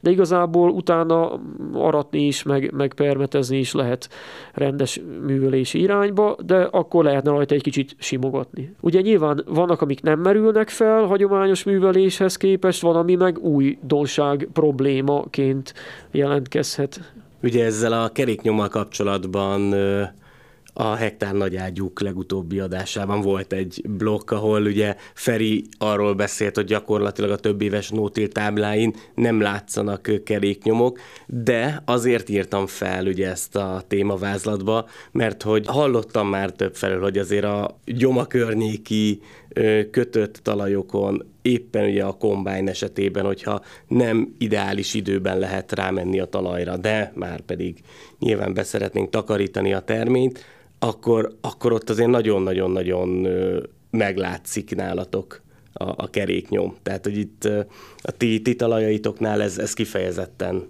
fontos kérdés. Szerintem először Zolit kérdezzük meg, mert azt hiszik, hogy nincs itt. E, igen, pont, pont most akartam át, átvezetni, hogy, hogy homokon ez hogy van. Keréknyomatok? Hát attól függ, hányszor járunk rajta, tehát van azért a homok is tud tömörödni, meg ugye a, a mélyebb részeken, ami régen vízállás volt, most már vizet se lát. Azok, amikor ö, ilyen tavaszi időszakok vannak, és mondjuk nem párolog úgy, ott azért ki tudnak alakulni olyan nyomvájuk, amikor mondjuk rámegyünk egy permetezéssel. Mert nálam ugye a tápanyag kiutatás is akkor már volt egy, ez egy kérdés, hogy az is permetezővel történik. Most már csak folyékony megy ki évek óta, és én direkt ugye a vetőgép azt tudja a művelőnyomokat, azokat én megcsinálom előre, ezzel tudok könnyen utána mozogni a, a permetezővel ezeken, és ezek azért, amikor az ember mondjuk elmegy a, a mm, herbiciddel, elmegy akár, hogyha szükség van inszekticiddel, elmegy ugye tápanyag kiutatás több soron,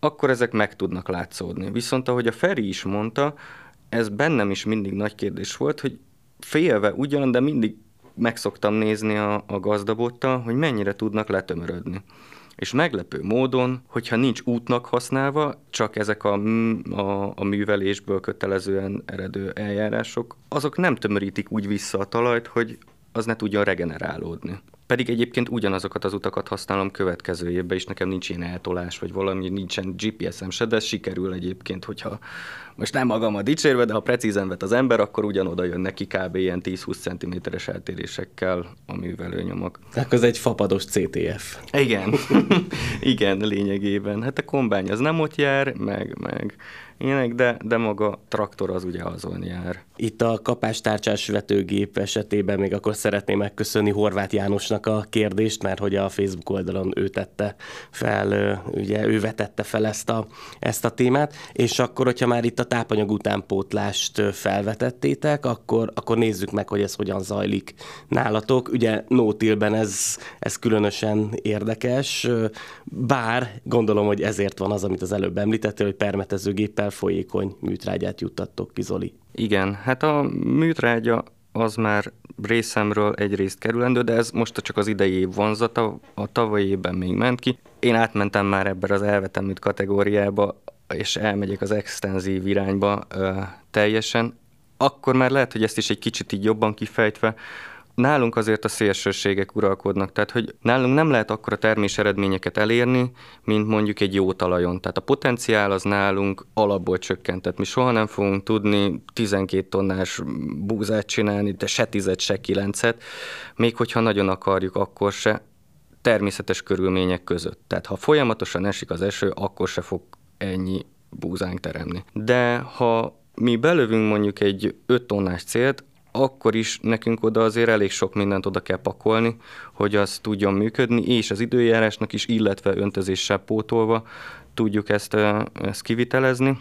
Ez már részemről nem fenntartható kategória is, illetve bejön az, hogy mi éri meg és mi nem. A homoki gazda az mindig óvatos, mert sose tudja, hogy mennyire lesz kiszolgáltatva az időjárásnak. Tehát mi mindig inkább próbálunk a biztos felé menni, és soha nem kockáztatunk olyan nagyot, hogy akkor kitesszük a rengeteg cuccot, és akkor majd jön is rá az időjárás, de ha nem jön, akkor kibírja a talaj, és akkor is lesz annyi termésünk, hogy abból legalább nullára, de inkább pozitívan kijöjjünk.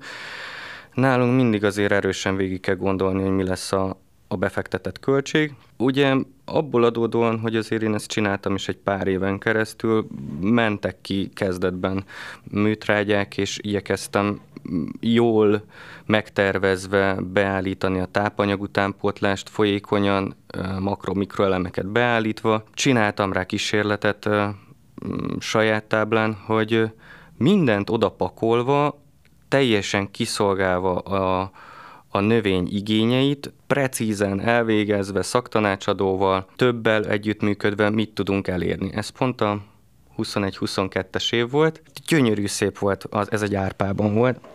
Gyönyörű szép volt, tehát ránézett valaki, akkor azt mondta, hogy ez, ez, ez, ez rogyásik, tehát hogy itt ez 9 tonnás alsó hangon. És amikor aratás ra került a sor, akkor meg úgy vártuk a szemedbe a kombányba, de nem jött, nem jött. Néztük a kalászokat is, hogy hát oké, ott van, de mégse fejlődött ki rendesen benne a szem. Tehát az le harmadolódott, és lett egy 6 tonnás termés. Akkor kezdtem el gondolkodni, hogy akarhatom én ezt nagyon jól csinálni, és akarhatom én azt, hogy ez, ez sokat teremjen, ha egyszer az adottságaim nincsenek meg hozzá megerőszakolhatom én, de azt nem fogja élvezni. Hogyha átszámoljuk az egész matekot, és mondjuk teszem azt csak négy tonnát akarunk csinálni, a termelési költség az majdnem ugyanannyi, kivéve a bekerülési költség. Én nálam most csak a gépészet az, ami, ami számít, nagyon minimális tápanyag megy ki, és ebből próbálok minél több hasznot lehozni. Itt, ami már sokszor erőkerül, a haszonnak a kérdése, hogy mi marad a zsebben.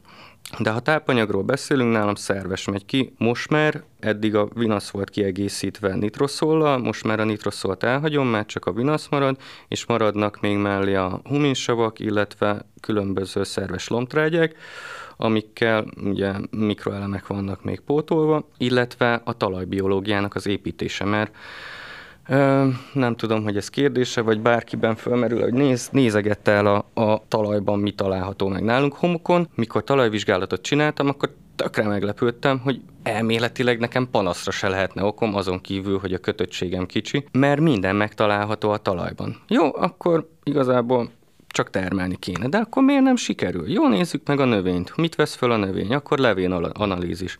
Jó, abban meg már kiütközik, hogy egy csomó minden hiányzik a növényből. Miért hiányzik a növényben? Miért nem tudja fölvenni? Akkor jönnek a, az ilyen kérdések.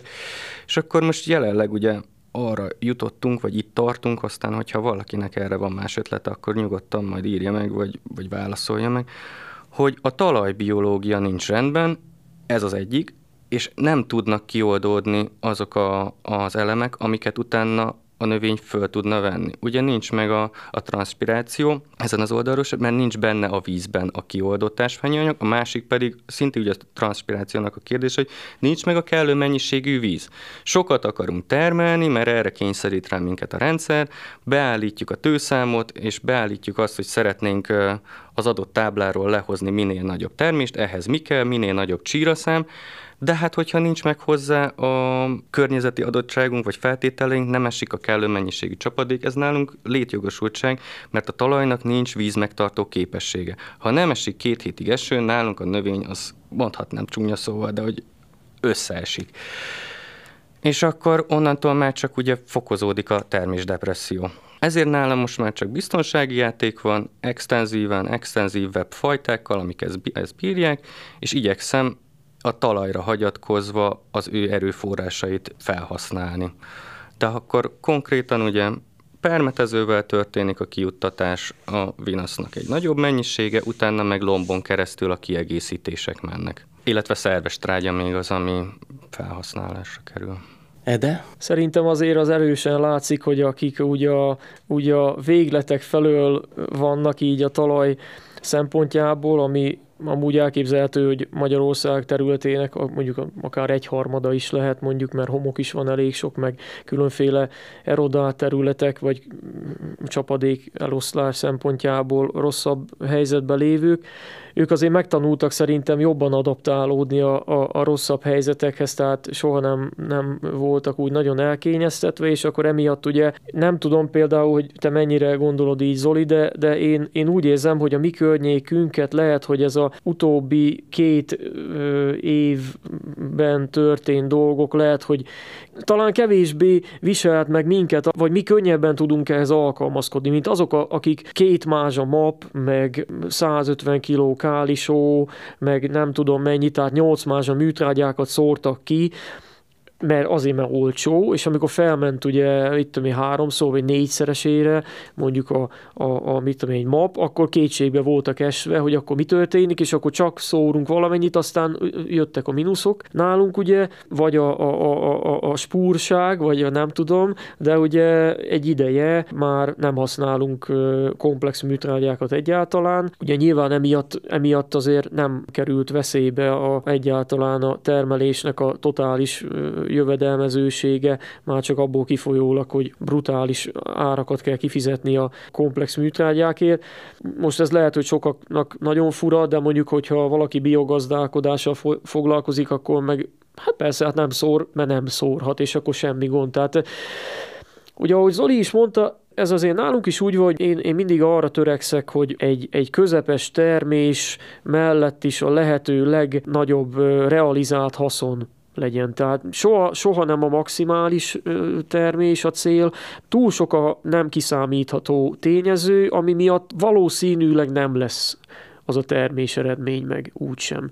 Emiatt inkább egy ilyen óvatos, már, már néha magam is, magam is úgy érzem, hogy lehet, hogy egy kicsit úgy tűnhetek, mint aki nagyon-nagyon keveset költ. Tudom én, gombaölőszert tavaly nem vettem egy, egy molekulányit sem, a rovarölőszert már nem tudom hány éve nem vettem, úgyhogy például a tavalyi éve volt olyan, aki háromszor rovarölte a, a árpáját, mert mindig van rajta valami. Hát az enyémen is volt biztos, de, de én nem gondoltam úgy, hogy ez most egy védekezési küszöbö. Tehát az én inger küszöbömet nem lépte át ennek a, ennek a mennyisége. Tehát most azt mondom, hogy olajretekbe például bolha ellen, hát rágta, és akkor kimentünk a traktorosommal, mert mostanában ugye már szórakoztatni kell őket, mert nem dolgozunk annyit, és akkor gyere, menjünk ki, nézzünk szét a határba, és akkor nézzük, hogy eszi a olajretket a bolha. Tehát látom, hogy mit tudom, le van rágva egy, egy levelének a fele, de úgy szépen nő. Én úgy éreztem, hogy, hogy nem, és mondtam a traktorosnak, hogy hát mondom, úgy tűnik gyorsabban nő, mint ahogy rágják. Hát mondom, majd csak kinő már foguk alól, és, és, és, és nem volt semmi, és igazából majdnem egy, jó, nyilván évjárat hatásnak is köszönhetően, de egy, egy majdnem egyéni rekord lett a, a tavalyi év például olajretekből, tehát úgy, hogy egyszer volt rovarölve, tehát gombaölve sem volt szintén, az sem, napraforgó se volt gombaölve. Tehát, hogy én úgy érzem, hogy ez, ez a nagyon, nagyon rutinból, megszokásból való, a, ami, ami elméletileg kötelező lenne, például AKG-ban, hogy integrált növényvédelem, azt, azt szerintem igazából a legtöbben a jelentését se annyira nagyon, nagyon ismerik, pedig nem egy hatalmas tudomány ez, egyszerűen meg kell nézni, és akkor, hogyha kell valami, akkor kiszórom, hogyha ha, kicsit kéne, akkor már nem szórom, amúgy meg egyáltalán nem. Tehát, hogy, hogy például egy gabonánál, egy gyomírtással egybe, ha már rámegyek, akkor a gyomírtó mellé gombaölő, meg rovarölő, meg lomtrágya. Annélkül, hogy kiment, kiment volna előtte a gazda megnézni, hogy mi a helyzet a távoláján. Hát nyilvánvalóan, hát az egyértelmű. Minek megyek ki, úgyis megyek mert, ki a traktorra. Hát akkor... Na most részben azért ez is egyébként megérthető, bizonyos esetekben, vagy meg, inkább mondom, mondjuk úgy, hogy megmagyarázható. Tehát egy több ezer hektáros cégnél, amikor folyamatosan megy a permetező, egyszerűen elképzelhető, hogy nem is tudnák azt megcsinálni, hogy mondjuk legyomítják a adott táblát, és két héttel később vissza kell menni gomba mert akkor már lehet, hogy lesz benne valami. De konkrétan én emlékszek rá, hogy volt egy olyan eset, volt egy nagyon sárga rozsdás, vagy vörös rozsda, nem is tudom, lehet, hogy vörös rozsda berobbanás egy néhány évvel ezelőtt, de ez körülbelül május hát lehet, hogy tizedikén, tehát már azért úgy erősen ott a kalászolás előtt egy, mondjuk egy héttel robbant be, és, és akik gyomírtáskor gombaöltek, azoknak már sehol nem volt a gombaölőszer, én ugye nem szórtam akkor sem, akkor is elspúroskodtam a dolgot, és akkor ugye akkor egyszer legombaöltem, de aki, aki már megcsinálta korábban, az megcsinálta akkor is, meg utána a kalász is, hát csak védjük már meg a kalászt. Tehát szóval háromból tudták megoldani a dolgot, és egyszerűen csak annyi, hogy, hogy, hogy nem nézik meg. És ez nagyon sokszor előfordul, tehát akkor, amikor gyomítjuk a gabonát, akkor éppen, a, éppen ott a T2-es gyomok akkor, akkor jönnek elő, hát akkor gomba nem fog még nagyon jelentkezni, és azért, egy, azért nagyon véges a gombaülőszernek a hatása, és azért ez ezek azok a dolgok egyébként, hogy sok kicsi sokra megy, konkrétan nekem a sávművelés az hektáronként nagyjából olyan 20 ezer forinttal kerül kevesebbe, mint hogyha mondjuk lazításos vagy, vagy szántásos technológia. Tehát, hogy a régen, ahogy én csináltam a saját magamhoz képest, körülbelül ennyivel kerül kevesebbe. Hát ez nem egy világi szám, hogyha úgy nézzük végül is, de, de hogy mondjuk azt mondom, hogy csak mondjuk 100 hektár területen nézzük, akkor 6 év alatt ingyen lesz a sávművelő, és akkor még tudom csinálni azt, amit én igazán akarok. Tehát Ebben a, az a, üzemanyag költség? Ezt így hosszan összeadtam, hogy a, onnantól kezdve, hogy, hogy learadtam a gabonát, akkor mondjuk egyiket megtarlóhántom, másikat nem, aztán meglazítom, vagy megszántom, itt mondjuk csak megsávművelem, vagy esetleg egy hormonos tarlókezelést, úgymond azt is, tehát mondjuk a glifozát nagyon drága volt, akkor meg lehetett csinálni mondjuk egy ilyen jó egy liter 2-4 D-vel, hogy a virágzás, de csak a virágzás, vagy a, a hát igen, ugye a virágzás előtt lévő kétszikű gyomor számokat, vagy hát ha szükséges egy szikű, de azok nem nagyon szoktak lenni, inkább csak árvakelés. Azokat kiütöttük, például itt, a, hogy konkrétan mondjam, a, a 22 őszi sávművelésnél ez így zajlott le, ami árvakelés kikelt, azt meghagytuk, mert igazából akkor nem vetettünk egyáltalán takarónövény, mert hát esélyt nem láttam arra, hogy ki kell, és ez is egy nagyon érdekes dolog, hogy ugye ezt nem tudod megmondani előre, hogy akár mekkora asszályból, hát bolond lennék én vetni, úgyse lesz bele semmi, és pont úgy bejön augusztus-szeptemberbe az eső, hogy olyan jó takaró növény lett volna. De hát ezt nem tudod előre, szóval megint ez, ez már egy következő téma. Mert így is a tápanyag utánpótlás... Na, még az is lemaradt, igen. Így van. De nem baj, majd, majd mindjárt. Ja, hát igen, onnan elkanyarodtam, mert ugye úgy indult az egész, de akkor nem is tudom, hogy most akkor mivel, mivel folytassuk Nyugodtan, igazából. Hallgatunk, tehát, hallgatunk. tehát ugye, ugye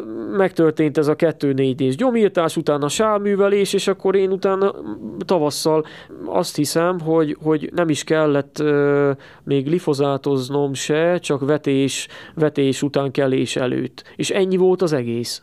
Ilyen másfélszeres gázolajárral számoltam én az önköltséget. Tehát most ez, ez ugye attól függ ki, hogy számolja. Tehát aki bérmunkatarifával számolja. Szóval ez, ez, ez az önköltség számítás, ez, ez, ez mindig, egy, mindig egy, egy, egy külön művészet.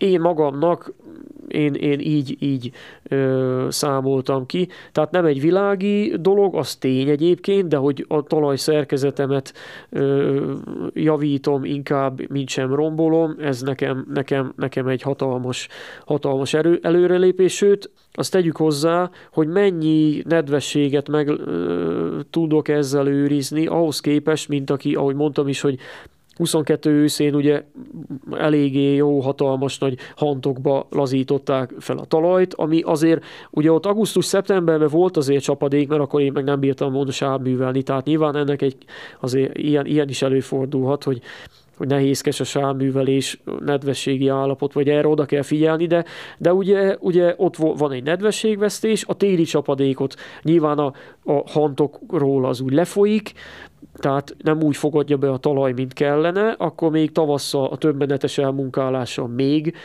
megy el csapadék, szóval azért most én nem akarom ezt számszerűsíteni, de nyilvánvalóan, hogy sokkal több. Tehát én szerintem több 10 mm csapadék az, ami, hogy most nagy, nagy számokat tényleg nem akarok mondani, amennyivel mondjuk kevesebb marad ott a vetésre körülbelül egy művelt talaj, egy többszörösen művelt talajnál, mint mondjuk egy, egy, egy sávművelésnél. És addig nincs gond, ameddig van egy közepes, vagy egy attól még mondjuk több túlzott ellátottság, de mikor már, mikor kicsit kevesebb lesz a csapadék, akkor ugye lehet ennek olyan pozitív hozadéka, hogy na ez a ilyen meg olyan büdös sávművelő, meg, meg mitől ilyen ennek a, az mikor az enyém meg, meg látszik, hogy szenved a vízhiánytól. Hogyha Szécsi Tamás annak ugye volt a kérdése a homokos tápanyag utánpótlásról, akkor tényleg válaszoljunk annak is, aki igen, mondjuk a kötötten tehát, szeretné, a, hogy te hogy a, úgy, meg ezt. Ahogy, ahogy mondtam, ugye komplex műtrágyát nem használunk,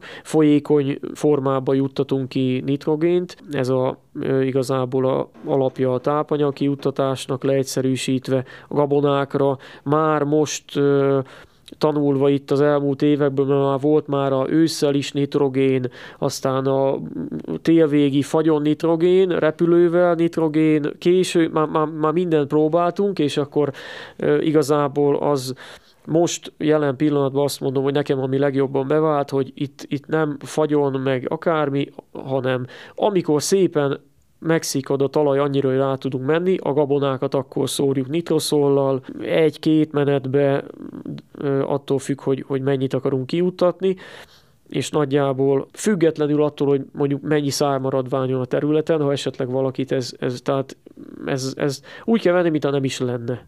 Tehát rá kell szórni a, mondjuk a nitroszolt is a, a területre, és kész. Én ráadásul teljes felületre, tehát amivel gyomírtást csinálok, olyan típusú fúvókával szórom ki, tehát nem folyatgatom, meg csepegtetem, meg nem tudom. Én ebbe hiszek, hogy a, hogy a megfelelő időben, azt azért tegyük hozzá, hogy mindennek megvan a, a, a nitroszol kiutatásnak, ugye annak is vannak feltételei, megfelelő időben én levélre is, mert nyilván ha mind a levélre menne, akkor ugye baj lenne, de, de nyilván nem megy minden a levélre, de a levélre is akarom szórni, mert én szerintem az, az egy olyan lökést ad a növénynek, ami, amire nagyon szüksége van. Kapás kultúránál meg, hogyha nyilván akar az ember, akkor ott is lehet akár úgy, hogy egy ilyen preposz kezelésbe például meg lehet csinálni, hogyha szükséges a gyomírtás, akkor meg lehet akár nitroszollal, vagy, vagy keverve, hígítva, bármilyen arányban, ugye akkor nem számít a perzselés, tehát így is lehet csinálni, vagy szilárdat egyébként ahogy mondtam, hogy a sávművelésbe például MTZ-vel, meg, meg SPC-vel bele lehet vetni, tehát a, a, a, ugyanúgy kiuttatom oda, vagy ki lehet juttatni a szilárd is, vagy, vagy akár folyékonyat a vetőgéppel, vagy bárhogy, illetve még az az opció is megvan. Egyébként ez egy nagyon érdekes dolog, úgy tudom a Syngentának volt is erre vonatkozóan egy kísérlete, hogy például a starter műtrágyákat azt ők nem is kifejezetten javasolják például a napraforgóba, mert úgymond elkényelmesedik a növény, amit már te is mondtál, Zoli, még, még egy nem tudom, másfél órával ezelőtt, hogy az órára nézek, hogy, hogy ott, ott, ott, akkor ott ő el van, mert úgy gondolja, hogy ott van, a, ott van a víz is, meg a tápanyag is, és akkor utána, amikor majd nem annyira, akkor, akkor utána baj van, mert nem ment lefelé, de ugye a sávművelésnek van egy olyan előnye, hogy igazából precízen oda tudom pozícionálni a műtrágyát, hogyha akarok, nyilván hát ezt a sávműveléskor, ahova akarom, és olyan mélységbe, ahova, hát most nyilván azt mondhatom, hogy le lehetne szántani, tehát ebből a szempontból szerintem, szerintem a sávművelés megint egy, megint egy elég jó, jó dolog, hogyha valaki például abban gondolkozik, hogy, hogy ő igenis komplex műtrágyát akar kiutatni, akár ha nem is annyira vízbeoldódó, vagy vízoldékonyat, hanem mondjuk úgy hagyományosat, akkor ezt meg tudja tenni a sávművelés során. Nálunk is egyébként, bocs, még arra visszatérve, hogy a, a, a kukoricánál, amikor a rétó jött vetni, ott is ö, folyékonyan ment ki, és ott injektálva ment a sor mellé. Ez, mikor ő megvette az injektálot, nálam történt meg a főpróba, tehát úgy, hogy ő fölvette a Noránnál, és jött hozzám, és nálam lett a beállítás, meg minden, mert pont úgy alakult. Ott követtünk el hibákat, tehát hogyha valaki így szeretne tápanyagot kijuttatni, azért sokat olvasson utána, meg, meg kérdezősködjön, mert elkövettük azt a hibát, amire utólag jöttem rá már megint, ez az utólag okos kapitány, hogy túl közel mentünk, de direkt azért távolságot tartottunk, de mégis úgy olyan közel került a kukorica gyökeréhez az a tömény nitroszolos, vinaszos, az akkor még ugye olyan tápanyaggal ment ki, hogy amikor lefelé oldalra elindulnak a kukorica gyökerek, akkor ezek a, a főhajtásoknak a csúcsa, mivel nem volt vetés után ö, nagyobb mennyiségű csapadék, ami szétmosta volna ezt a tömény cuccot, a tömény táp oldatba belement a, a főgyökér, és az ott elégett az a főhajtás, és utána nagyon sokáig megrekedt egy szinten a kukorica, és kellett egy nagy mennyiségű csapadék ahhoz, hogy utána abból regenerálódni tudjon, és másik irányba el tudjanak indulni a gyökerek, és szétmosodjon a tápanyag, és jobban tudjon hasznosulni.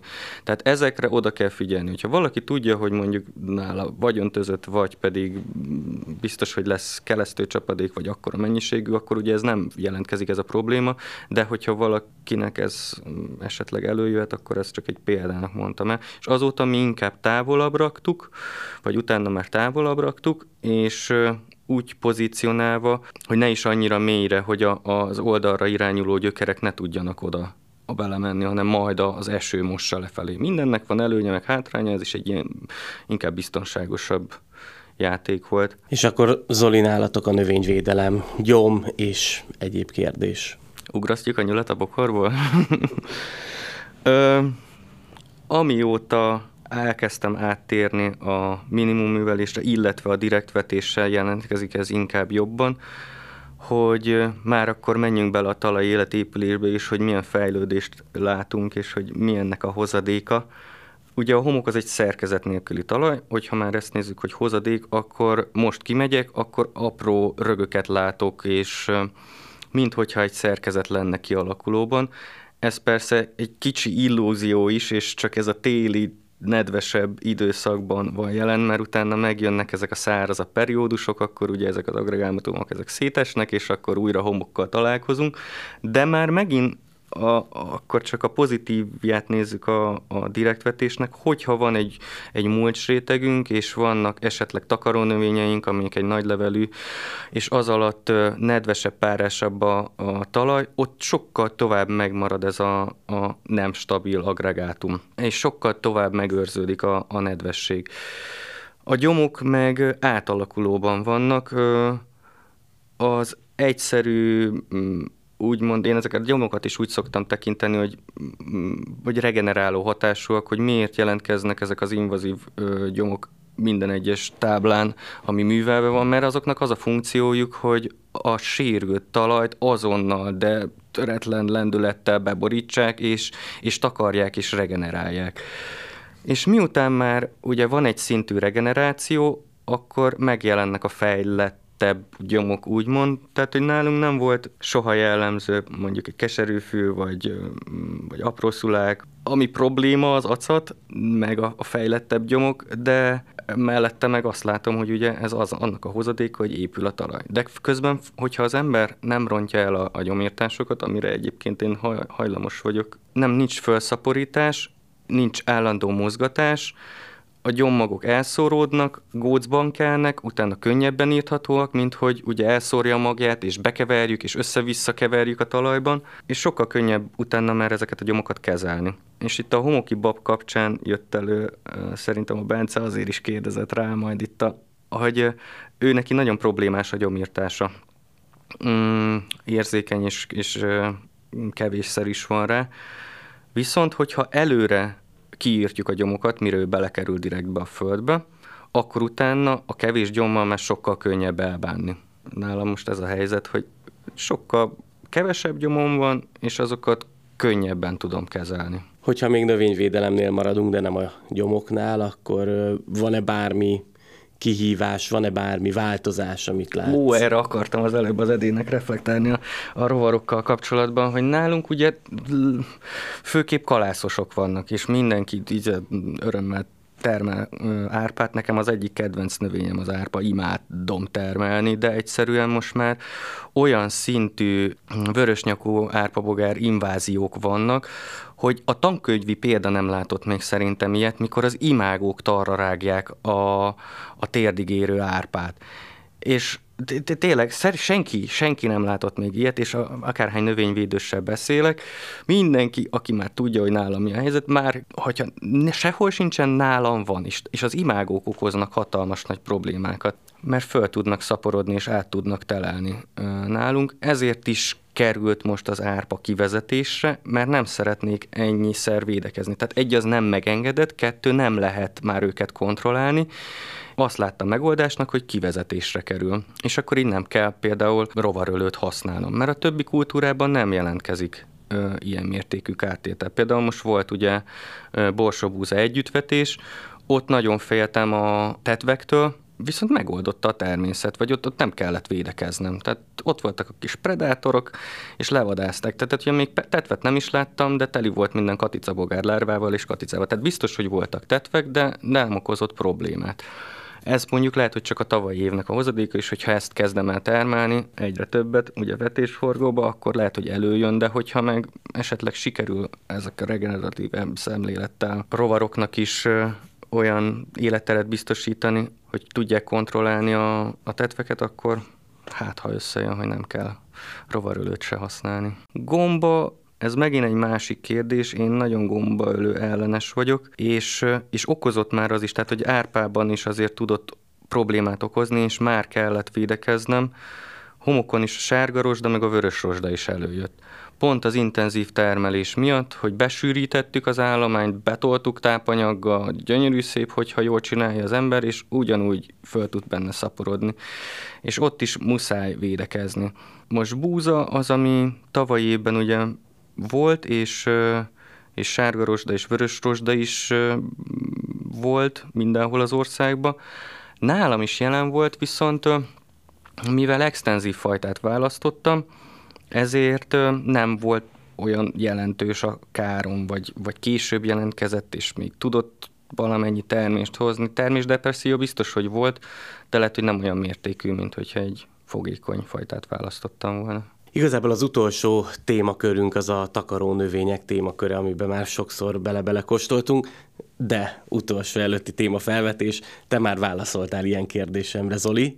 A videóban benne is van, ami néhány napja kikerült, pocok. De mi a helyzet pocok téren, mert hogy ugye ez most egy kardinális és hát érzelmekkel túlfűtött téma, főleg, hogyha ugye nótil, sávművelést és hasonlókat összerakunk. Nálatok jelentkezett a pocok probléma? Igen, én megmondom őszintén, hogy amennyire mondta Berend Feri, hogy náluk érdekes, hogy mindenkinek pocok problémája van, csak ott ő, őnál a direktvetésnél nincsen. Én azért nem tudom ezt megerősíteni, hogy ez nálam is így lenne, és ez már rögtön az elején leszögezném, hogy nem jelenti azt, hogy nálam több van, mint máshol, hanem én egyszerűen azt látom, hogy bizonyos táblákon, bizonyos növénykultúrákban, tehát például egy gabonában évközben felszaporodnak, teljesen mindegy, hogy most az direkt be lett vetve, vagy, vagy hogy lett vetve, nem lehet elvitatni az olyan dolgokat, hogy akár egy, ahogy Csepregi Attila is mondta legutóbb, hogy nyilván egy, egy bármilyen talajmunkával egy kicsit kiforgatja, és akkor én is emlékszek rá, hát a gyerekkoromnak, ha, ha, ha tényleg régre visszaemlékszek, gyerekkoromban, mikor még a TS időben kikijártam, és akkor beültem gépekbe, akkor egyfolytában ugye azt néztem, hogy a, ment a rába a a nehéz tárcsával, és utána meg a sirályok azok, azok százassával szedegették össze a pockokat, tehát talajművelés az nyilvánvalóan több szempontból tudja gyéríteni a pocokállományt, kiforgatja, meg hát amikor a hát most 18 plusz, de hogy amikor a kormánylemezen szétkenődik a pocok, akkor valószínű, hogy az már nem, nem mászkál messzire. Tehát nyilvánvalóan vannak ilyenek, akár olyan is lehet, hogy bizonyos talajféleségen, amit mondjuk egy lazító annyira összetud omlasztani, hogy a, a járatok tehát teljes egyszerűen nem tud kijönni a föld alól, lehet, hogy akkor így is lehet gyéríteni. Tehát azért vannak ilyen összetevői a dolognak. Én nekem konkrétan én úgy tudnám mondani, hogy például a napraforgó ö, tábláimon, ami ugye mind, mind az összes ö, sávművelt volt, ott az őszi vetésekbe ugyanúgy teljesen viselhető, vagy majdnem azt mondom, hogy, hogy, hogy, hogy én nem is foglalkozok vele a pocok témával, mint ahogy a szomszédaim, akik, akik bármilyen egyéb művelést alkalmaznak. Tehát én, én úgy látom, hogy például abba a kultúrában nem annyira, viszont van olyan is, egy ismerősöm, akik, akik ő, ők szántással művelik a talajt, és, és gabona után vetettek gabonát, nem tudom pontosan, hogy miután mit, hogy árpa, búza, vagy búza-búza, és az a lényeg, hogy beszélgettem vele a, a közelmúltban, és mondja, hogy mennek és szántják meg a területet, mert egyszerűen teljesen nullára kirágták a vetést. Szerintem nem, egy, nem egyértelműen függ össze a, a, azzal, hogy, hogyha ha nótil, mert most, mert most nyilván, ha a gabona, gabona, gabona, gabona, akkor ott egyértelmű, hogy föl fog ö, szaporodni, de azért nyilván vannak más, tehát mondjuk egy kukoricába például nem tudom, hogy mennyire, mennyire szaporodik fel, és még egyébként az, még csak azt akartam, hogy azért hoztam bele a sávművelt napraforgót, hogy ott se vettem olyat észre, hogy a sor közben, ami bolygatatlan volt, ott mondjuk vala, meg takarás is volt, hogy ott jobban felszaporodott volna mondjuk az én napra forgó területemen a pocok, mint a szomszédén, akinek mondjuk kopasz volt teljesen. Tehát, hogy én, én ilyet nem vettem észre. Tény, hogy nekem a gabona utáni takaró növényeimet, illetve árvakeléseimet is gyakorlatilag terminálta a pocok. Tehát az volt olyan, már meg is vettem rá a növényvédőszert, hogy majd, majd megy bele nótilbe a árpa utána például szöszös bükköny, és akkor kimentem megnézni, hát jó van, zöld, zöld, nem mondom, majd most már úgy szeptember, valahogy tizedike körül, mondom, napra forgó aratás előtt már lehet, hogy deszikálni kéne ezeket, és akkor ne az legyen, hogy kiszárítja nagyon vetésre. Jó, mondom, hát van benne jó sok árvakelés, nem baj, van egy kis gyökérfolytonosság. Kimentem egy hét múlva, nézem, hogy olyan 10 méteres foltok vannak benne. Hát mondom, mi az úristen van itt, ennyire eszi a pocok. Na mindegy, jó van, hát most ez van. És akkor rá, rá megint egy, szerintem nem volt egy hét, kimegyek, és 99%-ban már, már, már oda volt. Tehát, mint amikor learadtam az árpát, úgy nézett ki a terület. Tehát brutálisan. És nem eszi meg, úgy nézett ki a terület, mint a deszikálta volna. Úgy, úgy is szoktam emlegetni, hogy deszikálták a táblákat a pockok.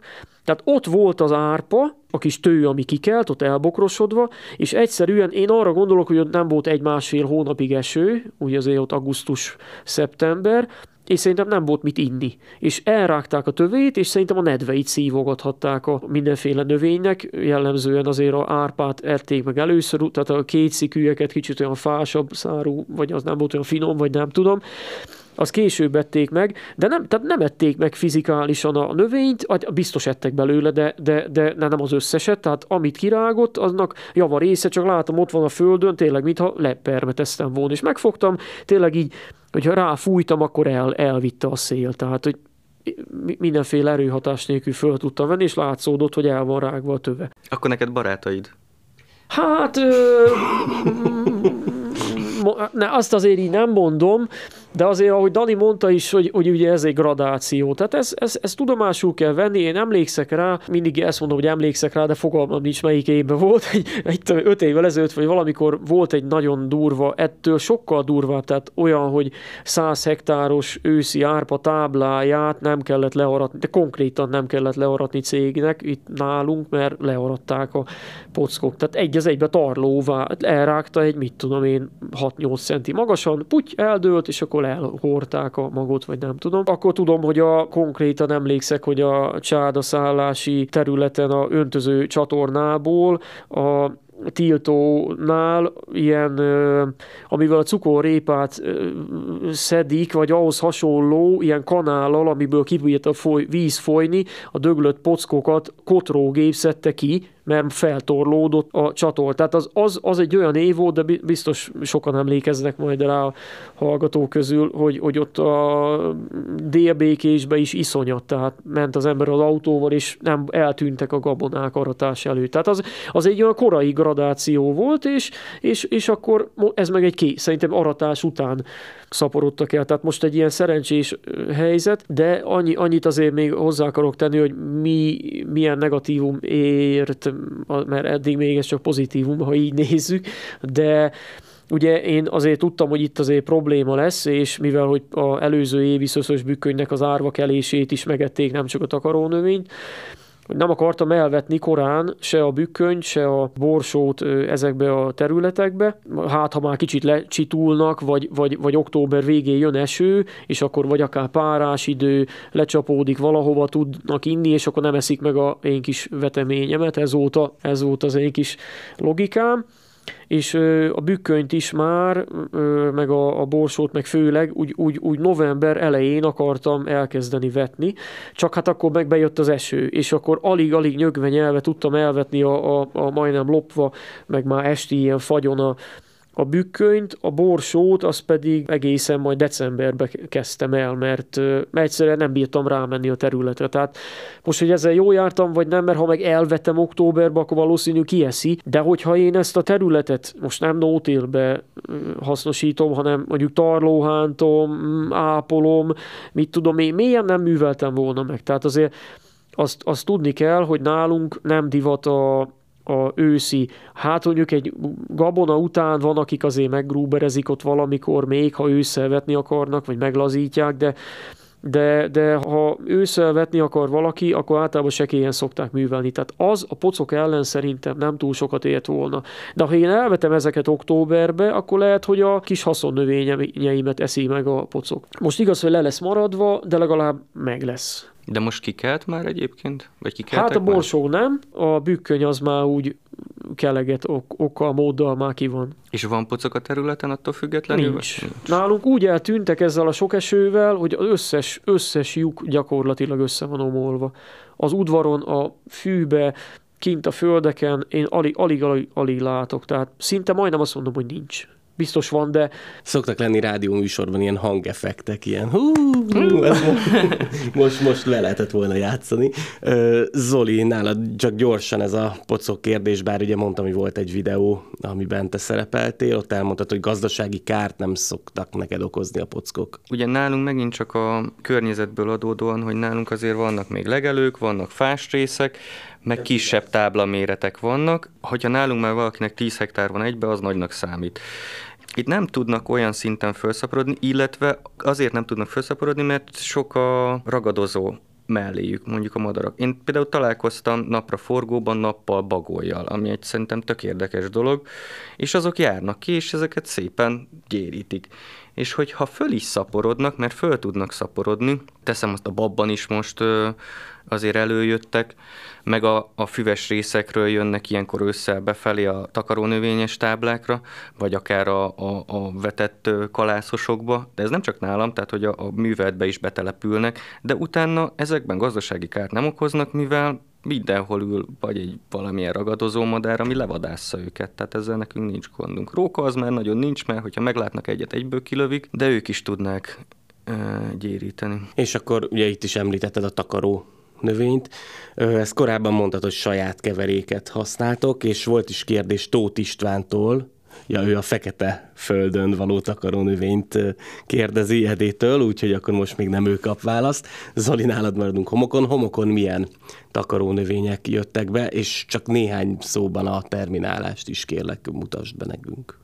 Hú, hát nekem megint csak az olcsóság volt a, a szempont, mert úgy voltam, kipróbáltam én ilyen hiper-szuper keverékeket is, csak hogyha hiába teszek bele egy kezdő átálló táblába tapasztalatlanul, legalábbis az még akkor volt, egy ilyen 7-8-as, 10-es keveréket, hogyha abból nem lesz ö, olyan állomány, ami megérni, és ezért inkább ilyen mm, biztosra mentem, ami biztos, hogy ö, kikel és, és jó takarást fog biztosítani. Ez most fajokat is mondjak, hogy növények? Mondhatsz, igen, mm-hmm. hogy tényleg aki hallgatja homokon, mivel, mivel érdemes kezdeni. Ha valaki nagyon ö, sívó homokon próbálkozik takarónövénnyel, akkor az csak a, a rosbükköny szerintem, ami tud működni gazdaságosan, mert az tud akkor a tömeget, mint gyökértömeget, meg mint ö, takarást biztosítani, ami elfogadható. A többi az lehet, hogy csak veszett fejszenyele, de ha már egy kicsit jobb adottság volt, már sokféle növény elője. A fontos a diverzitás, az, hogy legyen benne pillangós, legyen benne mm, egy szikű, két szikű, azon belül is ugye mm, legyen benne mondjuk karosgyükerű legyen benne, ami kicsit szert, tehát hogy a diverzitás legyen meg hogy minél jobban próbáljuk meg a, a mikrobiológiát értetni, a talajban a, a lazítást előhozni, illetve a gyökért csatornákban az, hogy nálunk nagy probléma, arról nem is tértünk ki, a pH érték, tehát hogy nálam 8,2-es a pH. És a gyökért csatornákban tud ö, jobban lemenni a pH. Erre volt már egy csomó ö, tanulmány előadás, hogy ott ugye az optimális felé közelít a növény, és próbálja a saját gyökér savaival arra felé tolni a, a pH-t. Tehát ezeket is figyelembe lehet venni. És akkor terminálás? Terminálás, ö, vegyszeres. Én, én ennek a pártja vagyok, mert hogy a homokon a legnagyobb probléma, hogyha felül elmozgatjuk a, a növény szármaradványokat, akkor ugye a besugárzással fölhevül a talaj. Ez nekem nagy hibám volt az elején, hogy ö, próbálkoztam én mindenféle mm, biológiai készítménnyel talajt építeni, takaró növény, de utána rájöttem, hogy mindent elrontottam, mikor bármiféle talajmunkát is csináltam, ami elvitte a felülről a takarást. És nyáron fölhevül 70 fokra, akkor tök jó, hogy építettem mondjuk ősztől tavaszig egy valamelyest egy, egy biológiát, azt utána ki is égettem szinte egy az egybe. Úgyhogy én inkább a vegyszeresnek vagyok a híve, és ezért a nótil de a minimum, hogy akkor, akkor ha már mondjuk mechanikusan terminálunk, akkor minél több mulcs maradjon fönt. Ez legalább 50%-os borítottság. Egyébként taktársatoknak, Piernek is ez volt az egyik kérdése, hogy ki milyen takaró növényt javasol, és hogy mikor érdemes őket használni, és akkor Tóth István kérdése, a fekete földön történő takaró növényezés. Hát én is a takaró növény az, az nem, egy, nem egy sikertörténet, azt meg kell, hogy mondjam. Én szétválasztanám először is a takaró növényezést arra, hogy nem is, nem is talajtípusra, hanem inkább mikroklímára. Tehát gondolok itt arra, hogy ha már az lesz a kérdés, hogy mit vessek, hogy minél jobb legyen, akkor az azt jelenti, hogy sikerül azon a kérdésen túl lépni, hogy mikor vessem, és hogy hogy biztonsággal kibírjam keleszteni. Tehát nálam, nálam a, a biztonsággal kikelesztése vannak a problémák, azért ugye Dél-Kelet Magyarország azért nem a egyenletes csapadék eloszlásáról híres, tehát minél inkább nagyobb esély van arra, mondjuk akár egy ilyen dél túli részre mennénk, ahol azért alapból párásabb az idő, több csapadék hullik, mert már még Észak-Magyarországot sem mondom annyira, még Észak-nyugatot, mert ott is úgy, úgy látom, hogy inkább kevesebb a csapadék, de szóval itt, itt inkább ez a, ez, a, ez a fő probléma az, hogy, hogy egyáltalán ki kell-e a takarónövény, Ugye ezért is kell nekem a, a striptil, tehát hogyha én elvetem a takarónövényt, és az mindig ki kell, akkor valószínű nem is kéne az egész striptillel foglalkozni, mert akkor bizonyos növény társulással el tudnám érni azt, amit sajnos nem. Úgyhogy itt, itt ez, a, ez az elsődleges dolog, hogy kibírjam keleszteni. Na most erre viszont azt tudom mondani, hogy a optimális vetésidő szerintem az úgy mondanám, hogy korábban. Mindegy, mit mondunk, két évvel ezelőtt lenne az optimális körülbelül, mert tehát az lenne a jó, hogyha a, a kombány arat, és akkor mellette ott megy valaki a takarónövényt vetve, mert még hogyha nem is esik sose, mikor aratunk, akkor azért szokott, és akkor már ott legyen az a, az a növény. Ugye a szélsőségek vagyunk, mint ahogy az asztal két végén is ülünk, de abból a szempontból is teljesen más viszonyok vannak mondjuk Zolinál meg nálam, hogy a ő talaja, ugye mondhatjuk, hogy melegebb talaj, az enyém egy hidegebb talaj, és a, ez, ez abban nyilvánul meg, hogy ő nála mondjuk sokkal hamarabb elkezd melegedni a talaj, sokkal hamarabb beindul a vegetáció, akár egy, mit tudom én, kalászos gabonánál, Ősszel sokkal hamarabb leáll tehát amikor már csak olyan minimálisan, ezért például a bükkönyöm ezért van olyan, hogy az éppen ki van kelve a borsó, meg még magához se tért, kisebb bújt. Nyilván azért nem extrém dolgokról beszéltem, most lehet, hogy nálad se lenne kikelve egy december közepén vetett borsó, de az a lényeg, hogy a takaró növény is például sok helyen látom, és, és tiszta szívből irigylem, egy semmi negatív érzés nélkül, amikor olyat látok, hogy, hogy valaki szeptember elején elvetette a takarónövényt bármilyen vetőgéppel, mindegy, és akkor gyönyörűen kikelt, meg megnőtt neki tért fölött, combközépig érőre, mert nálunk egyszerűen a, a hideg talaj miatt már ott bármilyen késői vetés, az olyan október, nyilván ezek azért valamilyen szinte melegkedvelő növények javarészt, ezeknek a vegetációja annyira lelassul már októberbe, hogy valójában szinte semmi, tehát majdnem áll. Ja, még És nálam ugye, decemberben virágzik na, a retek.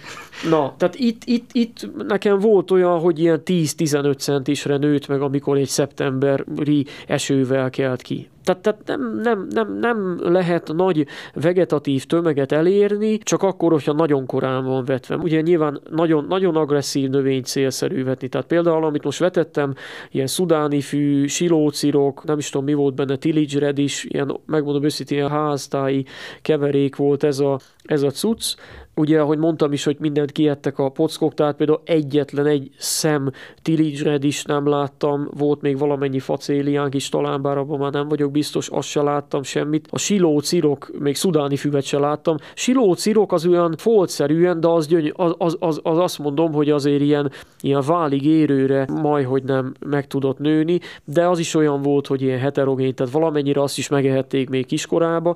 Szóval az, az úgy tűnik, hogy jó. Na most nyilván mi a cél? Tehát a következő ugye az, hogy most akkor, most akkor mi elé, mit vessek. Vethetek én bármit, ami nem igazán érzi magát no, jól azon a talajon, akkor, akkor mondhatom én, hogy me annak ilyen a munkája, vagy olyan, vagy ennyi, annyi nitrogént köt. De hogyha ilyen kis, bocsánat, ilyen piszlicsáré valamik lesznek, attól sok jót nem lehet várni. Tehát Viszont ha már takaró növény, akkor én úgy érzem, főleg például az idei év az, az megint megmutatta, mert a nagyon-nagyon extrém mondjuk vizes évben lehet, hogy majdnem mindegy, hogy mit csinál az ember, akár a talajművelés, akár a takaró növény, vagy előveteménynek nem annyira jön ki a szerepe, de ugye nálunk már azért olyan közepesen belvízes, vagy, vagy hát a közepestől már lehet, hogy erősebben is belvízes a helyzet, és viszont nagyon-nagyon-nagyon kijön az, hogy például egy napraforgó elővetemény után nulla belvíz van szinte, elhanyagolható, de például egy olajretek után is nekem szinte semmi belvizem nincs, de viszont a mellette lévő ilyen rozsos bükköny táblán meg olyan szinten megállt a víz, hogy borzasztó. Én a kötött talajon úgy érzem, hogy olyan növényt célszerű vetni, ami erőteljes, mélyrehatoló gyökérzettel rendelkezik. Mert ugye e, ezt még nem is annyira beszéltük, hogy, hogy ugye nótil, meg regeneratív dolog, meg minden, de hogy, hogy valójában nekünk azt a mechanika ilag elvégezhető talajmunkától is igazából komolyabb munkára lenne szükség, mert az, hogy akár a saját táblámat is mondhatnám, hogy ahova olajretket terveztem volna vetni az egyiket, ahova most majd nem is tudok, azon is megállt a víz vagy, vagy, vagy másoknak, akiknek grúberezett talaja van, és hogyha az a talaj olyan, hiába van 20 centi, 30 centi mélységig, jó, hát a teljesen sík, akkor kicsit lehet másabb a helyzet, de hiába van fellazítva, ha alatta meg nincs semmi, vagy az a elporosított, eliszapolódott szerkezetű talaj, ami nem tudja átengedni a csapadékot, mert ugye azt most, most konkrétan én is megfigyeltem a, az egyik táblámon, ami nem, nem annyira sík, hanem kicsit olyan hullámzó, hogy jött az eső, elállt, kimentem, mert egy út mellett van, és akkor ott szoktam nézni, és ugye volt, valamekkora vízfolt. Hát jó van, van. És akkor kimentem két nap múlva, és háromszor akkora lett a vízfolt, de úgy, hogy nem is esett az eső. Hát hogy? Hát nyilván úgy, hogy jön a csapadék, és az, annak van egy függőleges iránya, hogy megy lefelé, meg, meg nyilván oldalra is tud menni, és hogyha ha lefelé nem tud elég intenzíven, vagy egy ideig tud, de aztán megakad valamibe, hát akkor elindul oldalra. Tehát én ennek az egész takaró növényesdinek a leginkább azt a részét emelném ki, hogy a én szempontomból talajnak a, hogy is mondjam, kicsit úgy, úgy, úgy, úgy a feltárása, vagy, a, vagy az átszövése erőteljesen agresszív gyökerekkel. Tehát ennek sokkal nagyobb jelentősége van szerintem, mint annak, hogy most valamennyi nitrogént kötök, meg ott el, át mondjuk egy facélia, hogy milyen gyönyörűen behálózza a talajnak a felső 10 centiét, ami lehet, hogy a mikrobiológiának jót tesz, de hogyha aztán megáll rajta a vízbe, nem tudja elinni, akkor már baj van, és ugye még annyit tennék ehhez hozzá, hogy igen, hát ugye keveréket kell vetni. Az addig rendben van, hogy keveréket kell vetni, de én szerintem egy olyan három, négy összetevőnél többet, de még ez se biztos, hogy lehet kontrollálni teljesen. Ezt még egyszer nagyon régen Kökény Attila mondta, és úgy megragadta a fejembe, hogy ugyanazt a keveréket elvetik egyik évbe, akkor az egyik, mondjuk a ötös keverékből lesz kettő, ami brutális hangsúlyos. Ugyanazt a keveréket elvetik egy évvel később, és akkor meg másik kettő. Tehát, hogy belejön egy olyan tényező, amit nem tudunk. Tehát teszünk bele egy kis pillangósat, mondjuk lehet, hogy az elnyom mindent, de aztán a hatása nem úgy érvényesül, mert egy másiknak kellett volna jobban a hatását erősíteni. Tehát nem olyan egyszerű. Nem tudok egy az egybe jó választ adni. Én, én mindenféleképpen azt mondom, hogy számomra az lenne a jó, ha mindig gyönyörűen kikelne egy részt, tehát ez az alfa és az omega, erre kell egy nagyon jó módszert kitalálni, tényleg nagyon, amilyen korán lehet, én szerintem el kell vetni, és aztán utána az időjáráson múlik igazából, hogy mennyire, illetve tényleg erős gyökérzet legyen. És akkor, a, ha nem a pocok, akkor te mivel terminálsz, hogyha kikelt? Én ugye mindenféleképpen fönn akarom tartani a szájmaradványt a felszínen, ezért én is csak a vegyszeres. Tehát a eleve tavasszal, főleg egy ilyen ülepedett talajon, egy rövid tárcsa, hát én azt, azt, azt nem engedném rá. Záró kérdés következik, de Zoli nálad kihagytuk a takarónövénynél az ideális vetési időt homokon van ilyen? Mikor esik az eső? Igazából ez az ideális. Um, ez bölcs volt. Igen, kösz. Sokat ez, ez, szerintem, rá. Ez, ez, szerintem akkor homok, homok és igen, kötött talajnál. Ez hát itt nálam még az a kérdés, ugye, hogy mikor akarom terminálni, mert hogyha most olyan év, mint a, a, az idei, akkor nálunk nem keltek ki a takaró növények, csak nagyon késve és nagyon vontatottan. Mert most nagyon nem jöttek a csapadékok. Az a nyár végi, őszi csapadékok, azok elmaradtak, viszont azért általában szokott lenni ez az augusztus 20 környéki, és ami, ami egyébként mindenhol olvasható, szerintem az is az optimális, ez az augusztus közepe környéke, és megint csak a direktvetést mondom, mert nálunk ugye, ha van tarló maradvány, akkor az tud olyan nedvességet megőrizni esetleg, hogy már ki tud kelni, a belevetett takarónövény, vagy pedig, hogyha arra jön egy 10-20 millis eső, akkor azzal már tud egy olyan kisebb állomány kialakulni, ami, ami esetleg kibírja a következő esőig, és így tud esetleg építkezni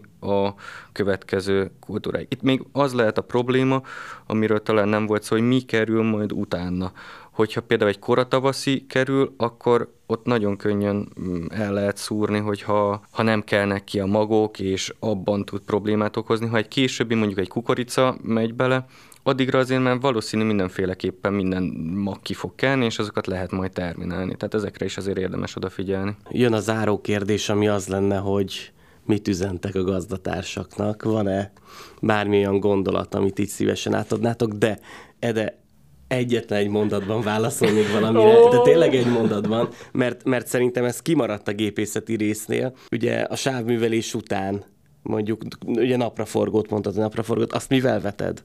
Azt egy, hát egy John Deere szemenként vetőgép, de egy sima, tehát nincs felszerelve. Annyi, hogy passzoljon a sávművelőhöz. Így van, persze. De hát nyilván ugye hozzá kell állítani a sávművelőt, tehát sem, semmi extra nincs benne. No, tehát akkor egy mondat, utolsó mondat, záró mondat, üzenet, végső gondolat, tanács. Zoli?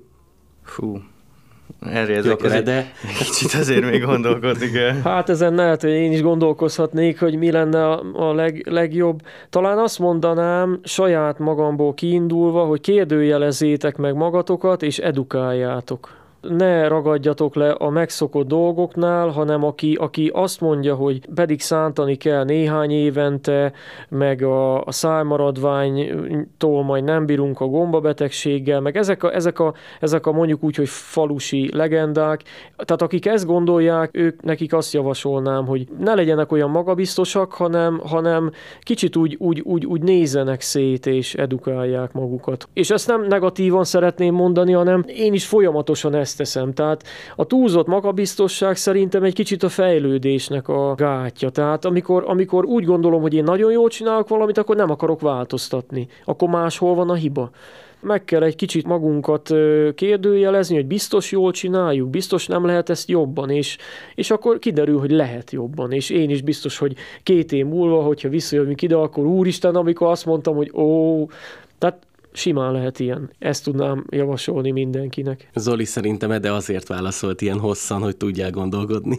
Köszi, köszi. Egyébként kellett is az a gondolkodáshoz. Mert szintúgy ez egyébként jó, hogy amit említettél is, ez a, ez a, ez a tanulás és a, a gondolatváltás, vagy gondolat, mert mindenki azon van, meg sokszor erőkerül, hogy a, ha eddig így csináltam, és rosszul csináltam mondjuk 40 éven keresztül, akkor ezt nehéz feldolgozni és elfogadni. De azt kell megérteni, hogy akkor azt tűnt jónak, azt hittük, hogy úgy csináltuk jól, de nem kell megmaradni annál, ha egyszerűen jön egy jobb lehetőség, és tudunk tanulni, és most már a csapból is az folyik, hogy ez a helyes út, akkor miért tiltakozunk ellene, és miért kell még mindig a berögzültségeket visszasírni, vagy, vagy azokat áldani, miközben megvan már az a, az a kellő tudás a fönt az interneten, és, és meg gazdatársak tapasztalataiban is, hogy tudjuk a regeneratívot adoptálni, és ez a helyes út. Akkor fogadjuk el, hogy ez szerint kell gazdálkodni a jövőben, és ezt kell újra megtanulnunk, és saját magunkévá tenni, és a saját területeinkre adoptálni. Köszönöm szépen, hogy itt voltatok. Kis Ede, aki Gyoma Endrödről jött fel, igen, hosszú út el mögötted. Köszönöm szépen. Szívesen. És hát azért nem sokkal közelebbről, mert hogy Szeged környékéről, Kiskun Majsáról Szabó Zoltán, neked is köszönöm. Én is köszönöm a meghívást. A műsor támogatója a Danuba. Legyen zöldebb a mezőgazdaság. A felvétel a Streamline Butikban készült. Butikstudio.hu Tekints meg a legújabb agrárgépészeti fejlesztéseket a Hung Expo-n. Direktvetőgépek, ultrasekély művelőeszközök, átrakókocsik, sávművelők és sok minden más vár az Agromas Expo és Agrárgépsok kiállításon január 24-től 27-éig. Én biztosan ott leszek. A Hektár Marketing tevékenységét a Vodafone Podcast Pioneers program támogatja, aminek köszönhetően még több hallgatóhoz juthat el a gazdálkodók hiteles hangja. Hektár magágy, ahol a gondolatok csíráznak.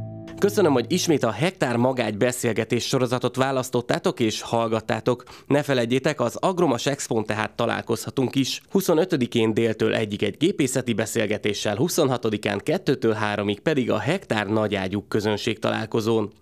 Ha még nem tettétek volna, iratkozzatok fel a Hektár mezőgazdasági podcastra YouTube-on, Spotify-on, Deezeren, Apple és Google podcaston, illetve lájkoljátok Facebook oldalunkat, Instagramunkat, és persze ott van honlapunk is a hírlevél feliratkozási lehetőséggel www.hektárpodcast.hu.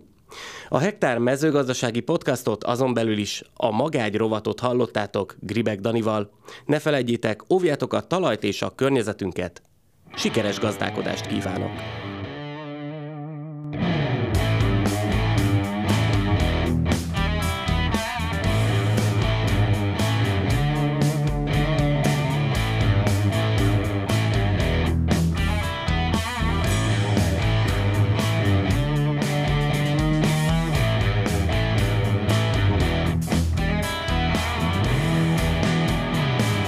Hektár magágy. Agrárszakmai beszélgetős podcast sorozat Gribek Danival.